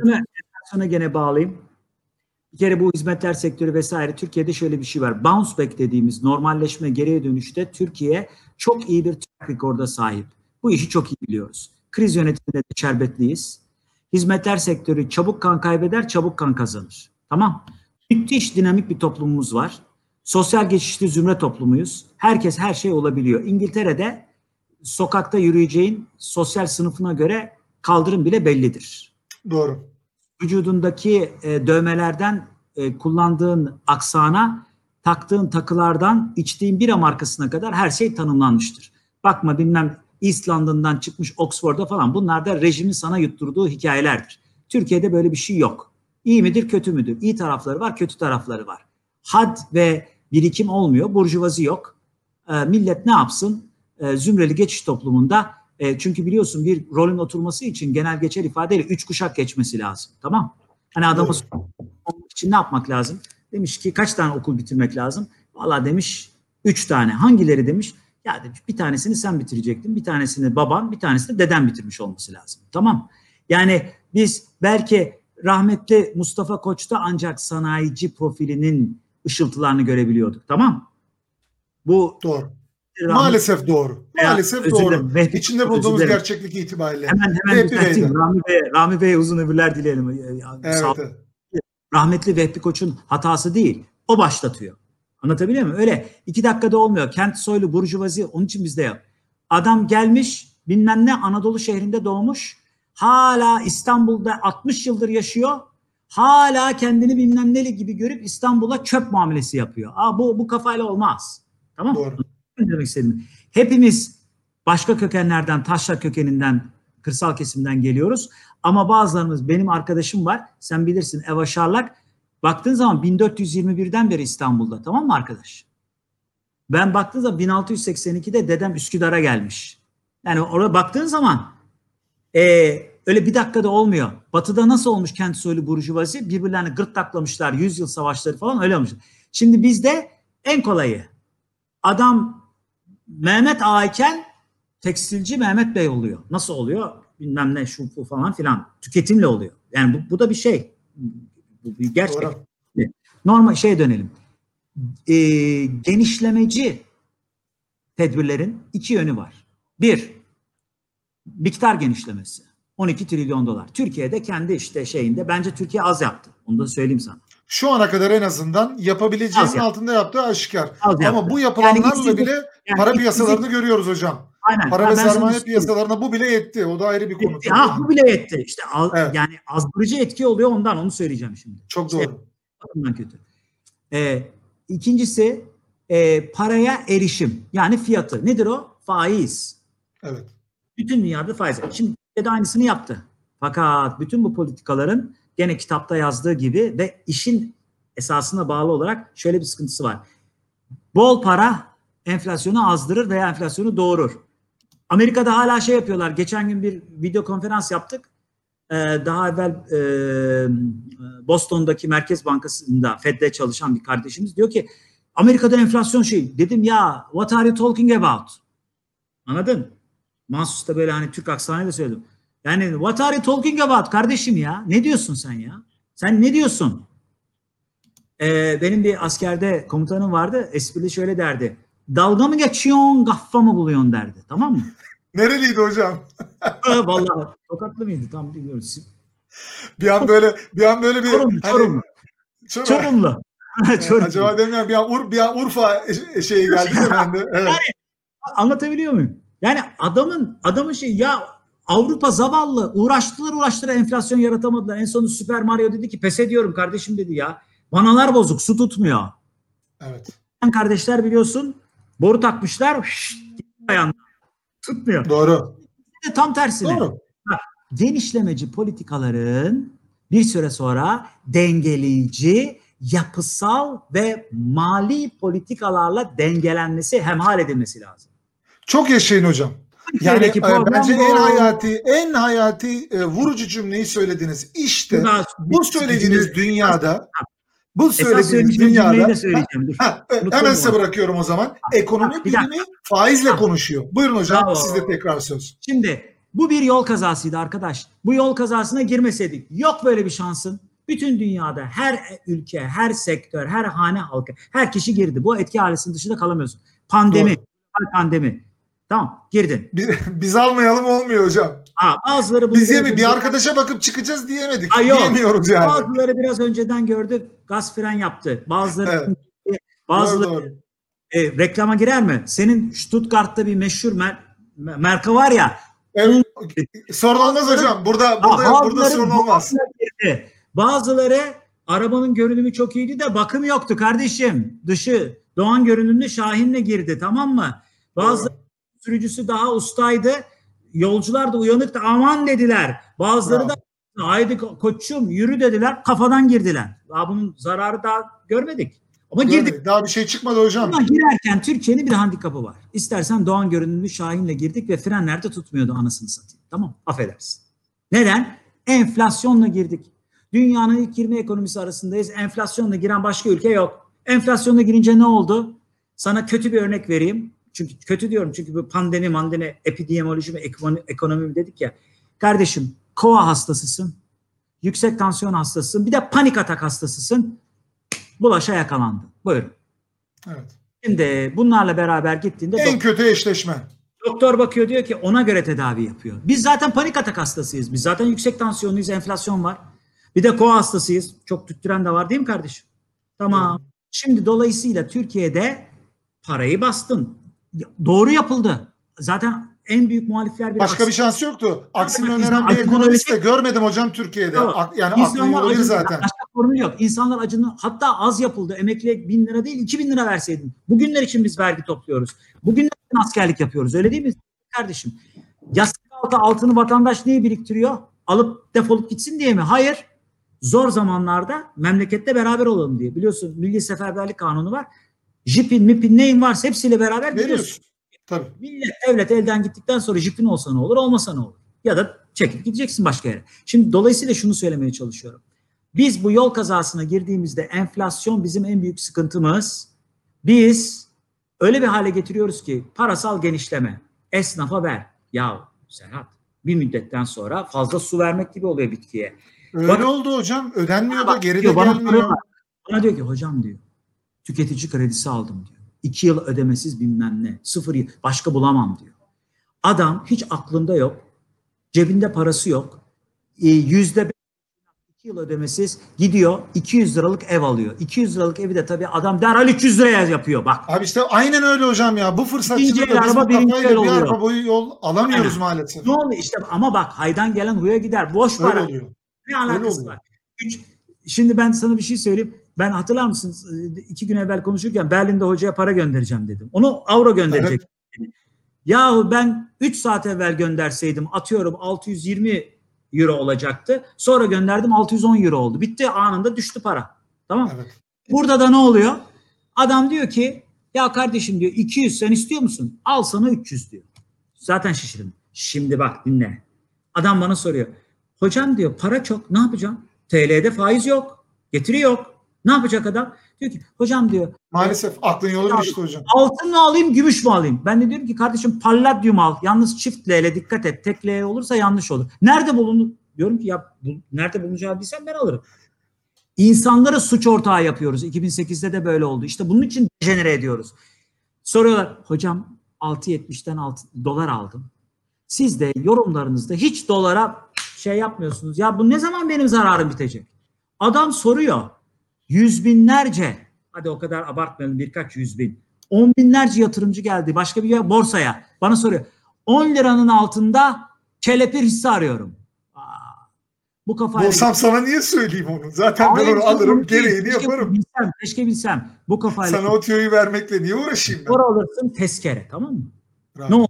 2000'den sonra gene doldur boşaltı yaptılar. Şimdi millet böyle diyor. Aney babey borsada da yandım diyor. Şimdi o 200 liralık evi 300 liraya alanlar diyecekler ki konut fiyatlarının artması lazım. Herkes ne olacak? Enflasyon seni suç ortağı yaptı. Herkes suç ortağı hocam. Bak, devlet parayı bastı suç Bak, ortağı.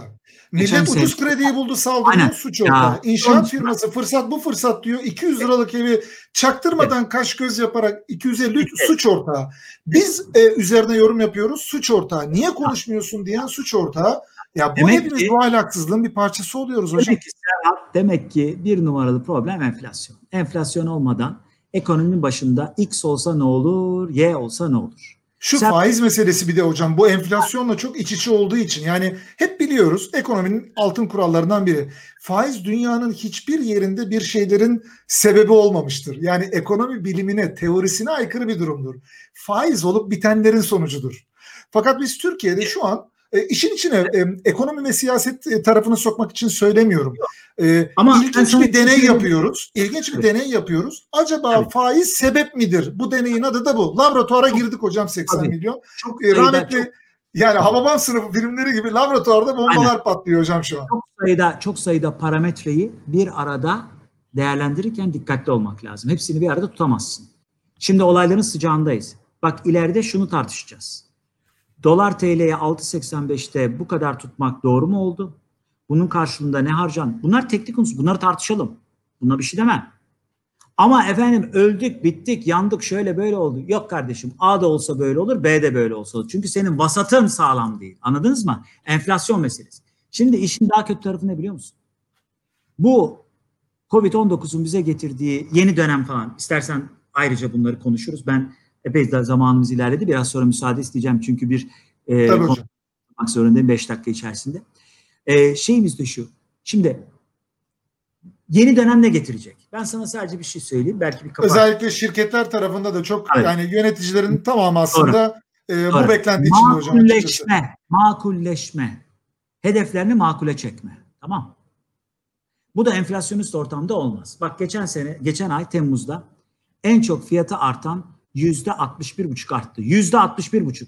Serhat, danışmanlık ücretine yüzde 61 zam yapan tanıyor musun? E, Arkadaş keşke keşke tanısam hocam ama yani bunu becerebilen kim olabilir apayrı bir konu. ücret artışı alan var mı? E, Ortada yok hocam. Azaltma sayalım? ediliyor şu an. Ah. Şimdi geriye sayalım. İkinci derecede en yüksek fiyatı artan ne? Yüzde on bir buçuk. Bak altı misli arada fark var. Biz her se- sene, her ay domates, salatalık vesaire suçluk sandalyesine oturtuyorduk. Yüzde altmış bir buçuk bir şey artmış. El insaf be yahu değil mi? Hani dinin yarısı insaftır, ekonominin yarısı da izandır değil mi? Bak işte gene enflasyonun suç ortaklığı. Ne bu biliyor musun? Hangi kalem bu biliyor musun? 400 küsür ürün arasından hangisi? Hiç tahmin edebilir misin? Valla inan hiç aklıma gelmiyor şu an hocam. Bir hafta ve daha fazla turizm turları, iç turlar. Ya, ya, turizmci kardeşim, sen haklısın, gününü kurtaracaksın. Ama sen günü kurtarırken hepimizin istikbalini berbat ediyorsun. Ama sana bir şey demiyorum. Çünkü enflasyon böyle. Aynı mantık nerede geçerli? Bak şimdi şu an itibariyle Süleyman Soylu İçişleri Bakanlığı'na devam ettiği müddetçe emniyet şeritleri ihlali kalktı. Tamam. Ama ben gidip gelirken görüyorum gene böyle millet hafif hafif emniyet şeridine giriyor. Hala yaptığımız bir şey var. Türk usulü trafik nedir? Şeridinde gidiyorsun. Hiç sen Alman gördün mü bir sağa bir sola giren? De- Anında zaten e, plakanızı verirler merkeze. Hocam, Burada herkes trafik polisi biliyorsunuz çünkü. Erhat Hoca Allah'tan bizimkiler gitti de düğün için yol kesme nasıl olur, düğün alayı falan Almanların bilgi görgüsü arttı. Kat, Tamam. Evet katkılarımız oldu Almanların. Orası kesin. Alman bir gün anlatmıştı. Adam gümrükte çalışıyormuş. Gümrükte mi? Başka İçişleri Bak vatandaşlık işlerinde mi? Bizim bir ağa gelmiş 20 Mart çıkartmış vermiş. Adam demiş ki varum demiş tamam mı? Neden? Adam diyor aa, aa, bir şeyler demiş bizimki falan. Adam diyor ki ben şaşırdım. Ben zaten işimi yapacağım. Niye veriyorsun demiş falan. Bizimki demiş ki hani çay içersin falan vaziyeti. Bana anlatıyor şaşırdım falan diyor. Aldın mı diyor. Vallahi bir süre sonra alıştık biz de dedi. Adam anlattı. Almanı bile bozmuşuz yani. Neyse. Evet, güzel yani. Bunu teşkilat izliyorsa e, unuttum yani. Çok seneler geçti. Zaman aşımına uğramıştım. fayda var. Sen bu kafayla ne yapıyorsun? Hemen önüne tak, kır kır. Bizim İstanbul Teknik Üniversitesi trafik şeyi var. Çok güzel demonstrasyonlar yapıyor. Trafik kürsüsü var. Şu ortaya çıkmış Serhat. Herkes kendi şeridinde kalsa toplam etkinlik daha iyi. Sen bilimsel çalışma bu. Bilimsel çalışma yani. Kardeşim niye kaldırma kaybet ka- park ettin? Nereye kaybet park edecektim kardeşim diyor. Kuru temizlemeciye geldim önüne park ettim. Yer yok ki diyor. Eşyamı alacağım diyor. Bankaya geldim diyor. Adam haklı. Kendi faydasını minimize etti. Trafiği berbat etti. Bak aynı mantık. Kesinlikle. İnşaatçı da turizmci de gel aynı aynı duruma geldik. Arkadaş uzun soluklu düşün. Şimdi gelelim meseleye. Bizim değişimci olarak senin çelişkiden çatışma doğar. Ama değişim yönetiminin de temeli budur. Bak felsefi olarak. Makule çekilmemiz lazım. Makul ücretler, makul fiyatlar, makul beklentiler. Eşler bile birbirinden makul beklentilere girecek. Bak hiç sorgulamadığımız kadar birbirimizi sorguladık. Tamam mı? Doğru. Ben- Okulu kapattım, normalleşmeye döndüm. Bazı hocalar diyorlar ki Allah aşkına ofise gelelim ya. Bıktık artık evde oturmaktan diyorlar. Haklılar yahu. Doğru. Herkesin kendine göre bir gerçeği oldu. Maske var ya takıyoruz. Maske takıyoruz ya. Maskeyle kendi kendimizle imtihan oluyoruz. Kendi nefesinizi solumak ne kadar garip bir şey biliyor, biliyor musunuz? Evet. Hakikaten öyle. Ve çok da zorlayıcı. Evet, makule çekmemiz lazım. Fakat enflasyonla uyuşmayan tek şey de makuldür kardeşim. Enflasyon hep böyle daha fazla, daha fazla, Serhatçım daha fazla. Enflasyon bağırsaktan yasına benzer. Yersin yersin o ikinci şey olarak seni boşaltır. Koflaştırır adı üstünde enflate eder. Bak o zaman Türkiye'nin problemi. Türkiye'nin problemi şu. Büyümeyi kalkınmayla hemhal etmek, terbiye etmek, ayaklarını yere bastırmak zorundayız. Evet. Büyüyoruz. İnsanımızın hayatına dokunacak büyüme. O da nedir? Kalkınma ve yaşam kalitesi. Tamam? Buzdolabının fiyatı önemli ama buzdolabının içine koyduğun ürün de önemli. Çok yaşayın hocam. Ha, Çamaşır makinesi Dolayısıyla- önemli, bulaşık makinesi önemli, içine konulacak malzemenin olması da önemli. İşte bugün yazıyor, onun için millet gidiyor, bulaşık deterjanına zam gelecek diyorlar. Senin Alman kökenli firmalar var ya Türkiye'de, zam gelecek diyorlar. E o halde ben dört tane alayım da köşede akmaz kokmaz. Sen talebi arttırdıkça firmalar da zam yapar. Firmalar zam yaptıkça sen kuyruğa girersin. Sen kuyruğa gidince nereye kadar gider bilinmez. Tamam Onun için bizim zor oyunu bozar. Ders, enflasyonla her ne pahasına olursa olsun artık bu işi üzerimizden atmamız lazım makul beklentilere çekmemiz lazım. Ortak beklentilerde buluşmamız lazım. Birliktelikten doğan sinerjiyi ortaya koymamız lazım. Zor zamanlarda bir ve beraber olmamız lazım. Aksi takdirde başı kesik tavuk gibi vatandaş sağa sola gider. Kimse de hiçbir şeyden memnun olmaz. Çok doğru. Da eleştiri geldiği zaman şöyle. Hocam 10 dakika konuştum, boş konuştun. Soruyorum niye boş konuştum? Altın fiyatından bahsetmedin. Çünkü adamın altını var, altın seni çıktın ya profesör doktor bilmem kim. Ya kardeşim ben ekonomi felsefesini anlatıyorum. Senin altınından bana ne? Çok güzel bir şeyle tamamlayalım müsaade edersen. Bu kuyumcular güzel bir şey söylerler. Satmaya gittiğinde. Almaya da bekleriz derler. Geçenlerde Evet. altın uzmanlarından bir tanesi Allah'tan fazla seyredilmeyen bir televizyonda hatunun biri bastırıyor. Şöyle mi olacak, böyle mi olacak, şöyle aldım bilmem ne falan. Adam şöyle dedi. Hanımefendi, hanımefendi dedi. Alırken bana mı sordun satayım mı satmayayım mı diye şimdi bana soruyorsun. Dedi. Tamam. Onun için yatırımlarda beklentilerinizi makul hale getirin. Ama enflasyon olduğu müddetçe bu olmaz. Kaba olacak ama demonstrasyon gücü yüksek. Sen de bu ense, ben de bu tokat olduktan sonra daha çok enseye şaplak yersin demiş adam. Tamam? Bu enflasyon meselesi olduğu müddetçe sağlam zeminde öngörülebilir, sürdürülebilir ki bunlar biliyorsun değişimin parametreleri Çok doğru. sürdürülebilir hedeflere gidemezsin kardeşim. Herkesi artist yaparsın sevgili kardeşim. Herkes tribünlere oynar. Liyakatsiz öne çıkar. Hadsiz haddini bilmeden başkasına akıl öğretmeye çalışır. O bakımdan bizler Allah'tan değişimin, yönetimin, riskin ne olduğunu bilen insanlar olarak cehaletin pençesine düşmeden alternatiflerin her birini görerek tekrar ediyorum cehalet nedir? Alternatifleri görememektir. Dolayısıyla profesörden çok güzel cahil çıkar ha. Adam diyor ki ben bilmem ne ekolüne mensubum. Kabul etmiyorum.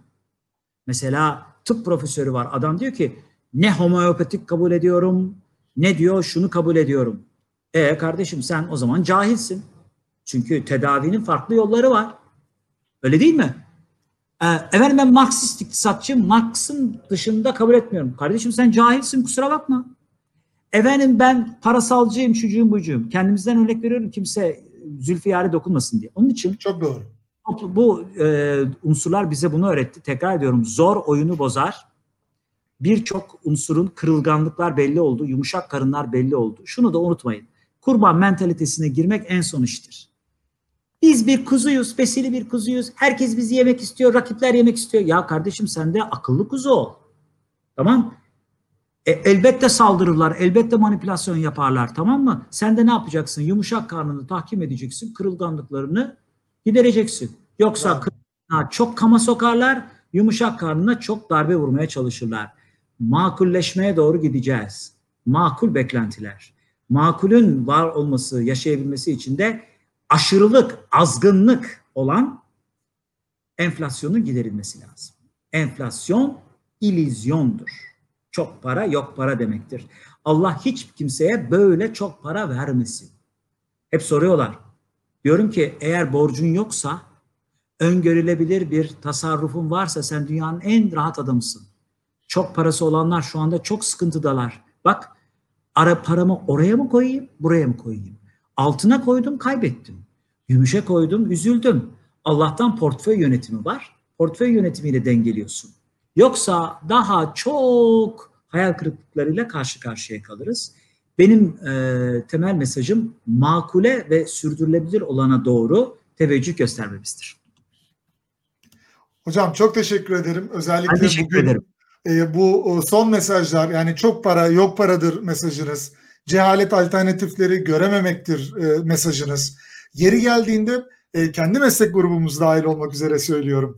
Profesörden de cahil çıkarın da sebebini e, çok da güzel izah ettiniz. Zannediyorum ülkemizdeki en çok e, yaşanan problemlerden biri de herkesin her şeyi bilmesi fakat alternatiflere kendini bir o kadar da kapaması. Uluslararası literatürde fragmentasyon dediğimiz, bizde kutuplara ayrışmak e, dediğimiz, polarizasyon e, dediğimiz insanların sadece kendi bulunduğu köşenin gerçeklerini olabilen tek alternatifmiş gibi görmesi, diğer köşede olup bitenleri sadece karşı, tükaka, büyük oyun, düşman, e, işte şeriatçı adına ne dersen hangi kutuplaşmaktan bahsediyorsan Galatasaraylı, Fenerli, Alevi, Sunni, AKP'li, CHP'li, laik, oncu, buncu falan filan dediğimiz noktada alternatifleri ortadan kaldırdığımız noktada cehaletle karşı karşıya kalıyoruz.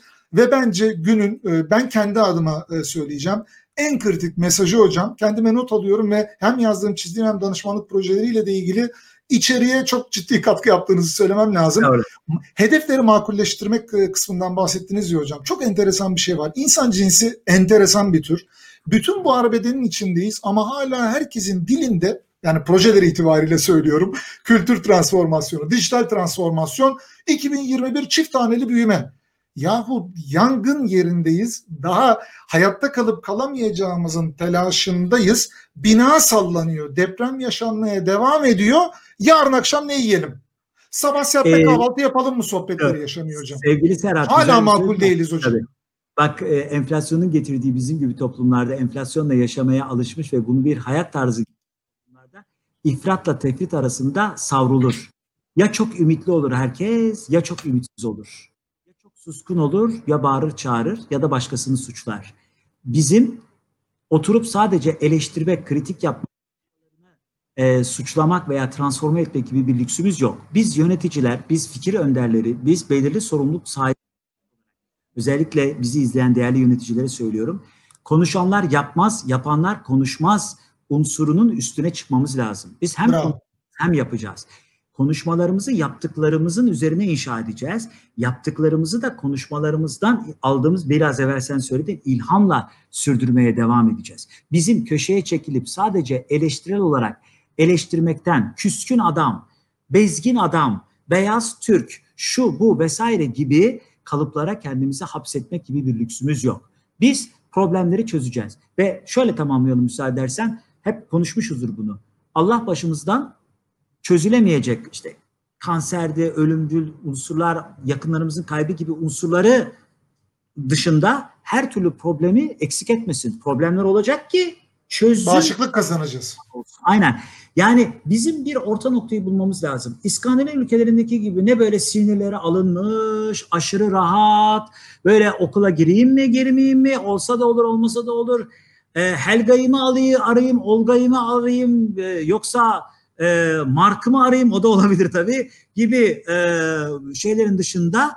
E, ama böyle de yani oraya at kendini, buraya at kendini, köşeyi döneyim, onu yapayım, bunu yapayım, yırtayım, saldırayım, sinirli olayım, trafikte böyle herkes alıngan, bağırayım, çağırayım, maskeni tak diyene, hadi ya işine diyeyim unsurlarının da nevrotik sinirceli olmanın da e, bence üstesinden gelebilmeliyiz. Zor zamanlardayız.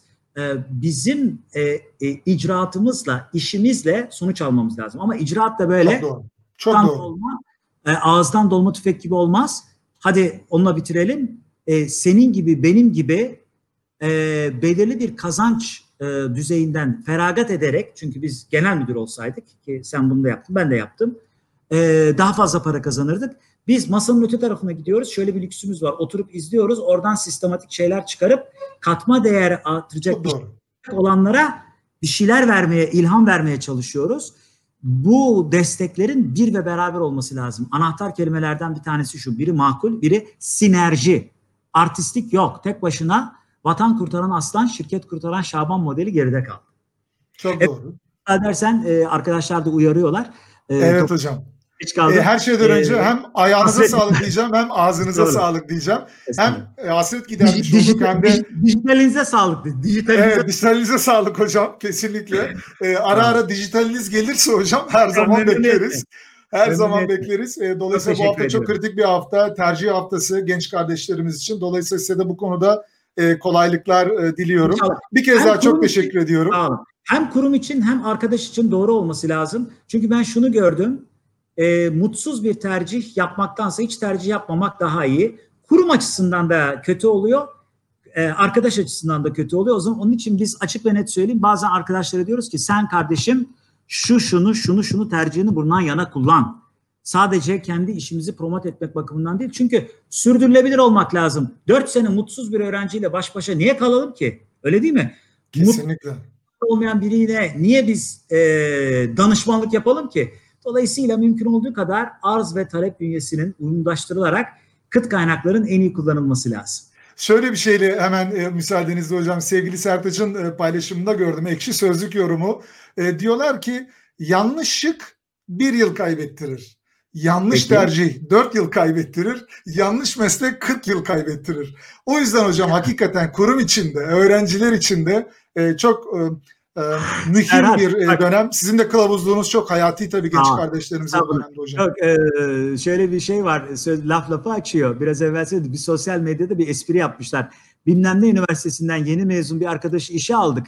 Kendisine okuma yazma öğretmekle meşgulüz diyor. Mezunlar da ver, verme şeyini bize vermesin. O, o da gerçekten önemli bir şey. Peki çok teşekkür ediyorum. Çok teşekkür ederim hocam. Ağzınıza sağlık. Eksik olmayın. En kısa sürede yeniden görüşmek üzere Aa, hocam. Almanya'da değildiği gibi çüz. Çüz hocam. Teşekkürler. Sağ olun. Teşekkür. Evet sevgili dostlar. Ee, sevgili e, Murat hocama, Profesör Doktor Murat Ferman'a çok teşekkür ediyorum. Bugün e, kırmadı ve e, 12'den e, canlı sohbetlerimize e, e, katıldı ve açılışı da bir nevi aslında kendisiyle e, yapabildim. E, bitirirken de aslında hocam e, bir taraftan da çok önemli bir haftanın içinde tabii genç kardeşlerimizin üniversite tercihlerini yaptıkları hafta ve cuma günü e, sonlanıyor. E, kendisi varken aktarmak istiyordum ama kendisi yokken bir kere daha e, aktarmak isterim. Hem doktora tez hocam olduğunu söylemiştim hem de değişim doktoru, danışmanlık mesleğinde kullandığım markamın fikir babası olduğunu söylemiştim. E, 2012 yılı e, doktora tezini bitirdim. E, işte o kep giydik vesaire bütün o süreç tamamlandı. Aradan biraz zaman geçti. Hocayla da eksik olmasın sürekli konuşuyoruz. Ya Serhat'cığım dedi bir öğle yemeği yiyelim. E, tabii hocam bir buluştuk öğle yemeği yiyoruz. Dedik ya sen dedi neden bu doktor ünvanını e, kullanmıyorsun dedi. Bakıyorum görüyorum sosyal medyada doktor ünvanını kullanmıyorsun. Hocam dedim ya ben ben o ünvanı kullanmam. Yanlış olmasın ama dedim bizim bu telekom yani tüketici elektroniği sektörü dedim biraz böyle makarayı falan seven bir sektördür. Biz de doktor dediğiniz zaman dedim Haydar Dümen akla gelir. Yani beni, beni bozar dedim. Ben ünvanı kullanmam hocam dedim. Murat Hoca da dedi ki öyle şey olmaz dedi. Yani biz sana bu ünvanı dedi aynı zamanda özendirici de ol diye verdik. Evet sen bu ünvanı kazandın ama programın belli bir bölümünde de anlattı hoca. E, son derecede hassastır e, bu akademik e, dereceler, tercihler. Kendisi de doktora tezim sürecinde beni hayli terletmiş bir hocamdır. Onu da bir kenara şöyle park ederim sözlerim sırasında. Dedi ki Biliyorsun dedi Amerika'da elini sallasan dedi profesyonel hayatın içinde olan doktoralı insana e, rastlarsın. Ama Türkiye'de dedi iki gruba kümelenmiş durumdayız. Ya okulda kalıp özel sektörde olup bitenlerden bir haber akademisyenler ya da mezun olduktan sonra bir daha okulun yüzünü gören e, ne olsun diyen hayatında 40 yıllık diplomayla yaşamaya devam edip öyle ölmeyi tercih eden e, özel sektörlüler dedi. Oysa ki bizim profesyonel hayatta da doktoralıların olduğunu gösterebilmemiz, çoklayabilmemiz için senin gibi örneklere ihtiyaç var. Senin bunu kullanman lazım. Emir demiri kesti. Biz de kullanmaya başladık. Tabii doktor ünvanını koyduk ama her gün mesaj mesaj ne doktorusun ne doktorusun yani inanılmaz bir medikal doktor üzerinden yürüyor konu. İç hastalıkları, dış hastalıkları, çocuk doktoru, o bu bilmem ne falan. Yıldım. Hakikaten yıldım. E, dedim ki hocam bir öğle yemeği yiyelim. Sohbet yine sohbeti açtı. Hocam dedim ya başımı yaktın. Yani Haydar Dümen falan konusu olmadı ama yıldım yani ne doktorusun? Ya açıklayamıyorum. İşletme doktoru muyum? E, değişim yönetimi tezi yazdım. Değişim yönetimi doktoru muyum? Ee, yok efendim Doktor of Philosophy diye geçiyor PhD, felsefe doktoru muyum? Yoksa e, akademik e, taraftaki karşılığı iktisat doktorası diye geçiyor, iktisat doktoru muyum? Neyin cevabını vereceğim ben de şaşırdım deyince hoca dedi ya sen değişim doktorusun niye bunu bu kadar uzatıyorsun ki dedi. Tabii o bunu dedi ama benim kafamda tabii e, tipik bir Kayserili olarak e, bazı şimşekler çaktı. Ofise döndüğüm gibi o dönem birlikte çalıştığım Patent Enstitüsü'nün hizmet sağlayıcılarından e, sevgili Hayati e, onu aradım ve dedim ki benim bazı markaları tescil ettirmem gerekiyor. Değişim Doktoru markası da bu markalardan birisiydi. O tarihte tescil edilen markalarımdan birisiydi. O gün bugündür de eksik olmasın hocamın bu e, tüyosuyla birlikte Değişim Doktoru markasını global ölçekte de Doctor of Change e, olarak e, kullanıyorum. O yüzden e, gündelik hayatımda, danışmanlık hayatımda, meslek hayatımda, e, akademik hayatımda olduğu gibi sürekli tesir eden ve kendisini hatırlatan bir kişiliğe dönüştü sevgili hocam. Evet 12'den e, bugün itibariyle aslında canlı sohbetlerine başladı. Desteğiniz için çok teşekkür ederim. Sosyal medyada başta LinkedIn olmak üzere çok güzel yorumlarınızı alıyorum. Her daim desteğinizi hissettiriyorsunuz, moral veriyorsunuz. E, belki de aralıksız 10 yıl boyunca her gün hemen her gün e, olabildiği kadar yenilikçi, yaratıcı, özgün fikirler üretmeye çalışan birisiyim. İçerik değil, fikirler üretmeye gayret eden birisiyim. Ve bu fikirler de en azından dünyada en azından bir kişinin bile işine yarasa 60'ında 70'inde emekliliğini yaşayan birisi de olabilir. 17'sinde 18'inde önündeki kariyer planını e, e, e, hayallerini gerçekleştirme arefesinde olan kardeşlerim olabilir kıdemli, olgun profesyoneller olabilir, genç profesyoneller olabilir ama en azından bir tek kişinin bile hayatına herhangi bir günde dokunabilme ihtimali e, uzunca yıllardır en önemli motivasyon kaynağı. Siz de zaten müthiş bir teveccühle e, bu yolculukta e, ciddi manada desteklediğiniz için e, gerek Türkiye'de gerek Avrupa'da en çok izlenen, takip edilen, fikirlerine kulak verilen e, profillerden birisi haline getirdiniz. Bu da beni son derece onore ediyor, gururlandırıyor e, ve daha da çok fikir üretme konusunda da iştahlandırıyor. 12'den adı üzerinde olabildiği kadar evirip çevirmeden 12'den gün ortasında iş dünyasına e, dönük olarak hemen her gün olması ya da haftanın şu günlerinde olması ya da bir hafta olup bir ay olmayacak şekilde e, regülaritesine, düzenliliğine henüz aslında karar vermediğim, faydasının ne kadar anlamlı olduğunu en azından biraz gözlemledikten sonra bu sıklıklara, sürelere, saatine karar vermek istediğim ben bilirim doğrusu da budur her gün 12'de buradayım ben falan şeklinde değil ya da haftada bir yaparım daha da yapmam bu iş e, böyle pahalı bir iş benim de zamanım pahalı da değil. Ya, tabii ki iş tarafında da günlük mesaimin de gerçeklerini e, dikkate almak suretiyle elimden geldiğince düzenli bir şekilde 12'deni sizlerle birlikte yapmaya gayret edeceğim. Bazen tek e, bazen konuklu, bazen çok konuklu belirli temaları hep birlikte konuşmaya, düşünmeye gayret edeceğiz. Ortak amacımız ortak fikirler, toplam faydayı arttırabilmek için neleri nasıl daha güzel yapabiliriz diye fikir teatisinde bulunabilmek, istişare edebilmek, yeri geldiğinde müzakere edebilmek ki pek çok arkadaşımız, dostumuz daha sağlıklı muhakeme edebilsin diye onlara bir fayda sağlayabilmek için burada sizlerle birlikte olacağız. Ara ara LinkedIn'den de bununla ilgili de güncel bilgileri de paylaşacağım.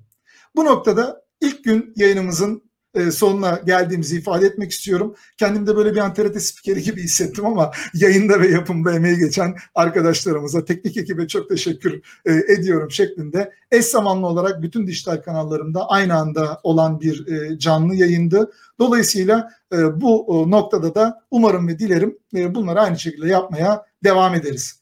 Bir sonraki sohbet programımızda görüşene dek kalın sağlıcakla. Sevgiler, selamlar dostlar. Bay bay.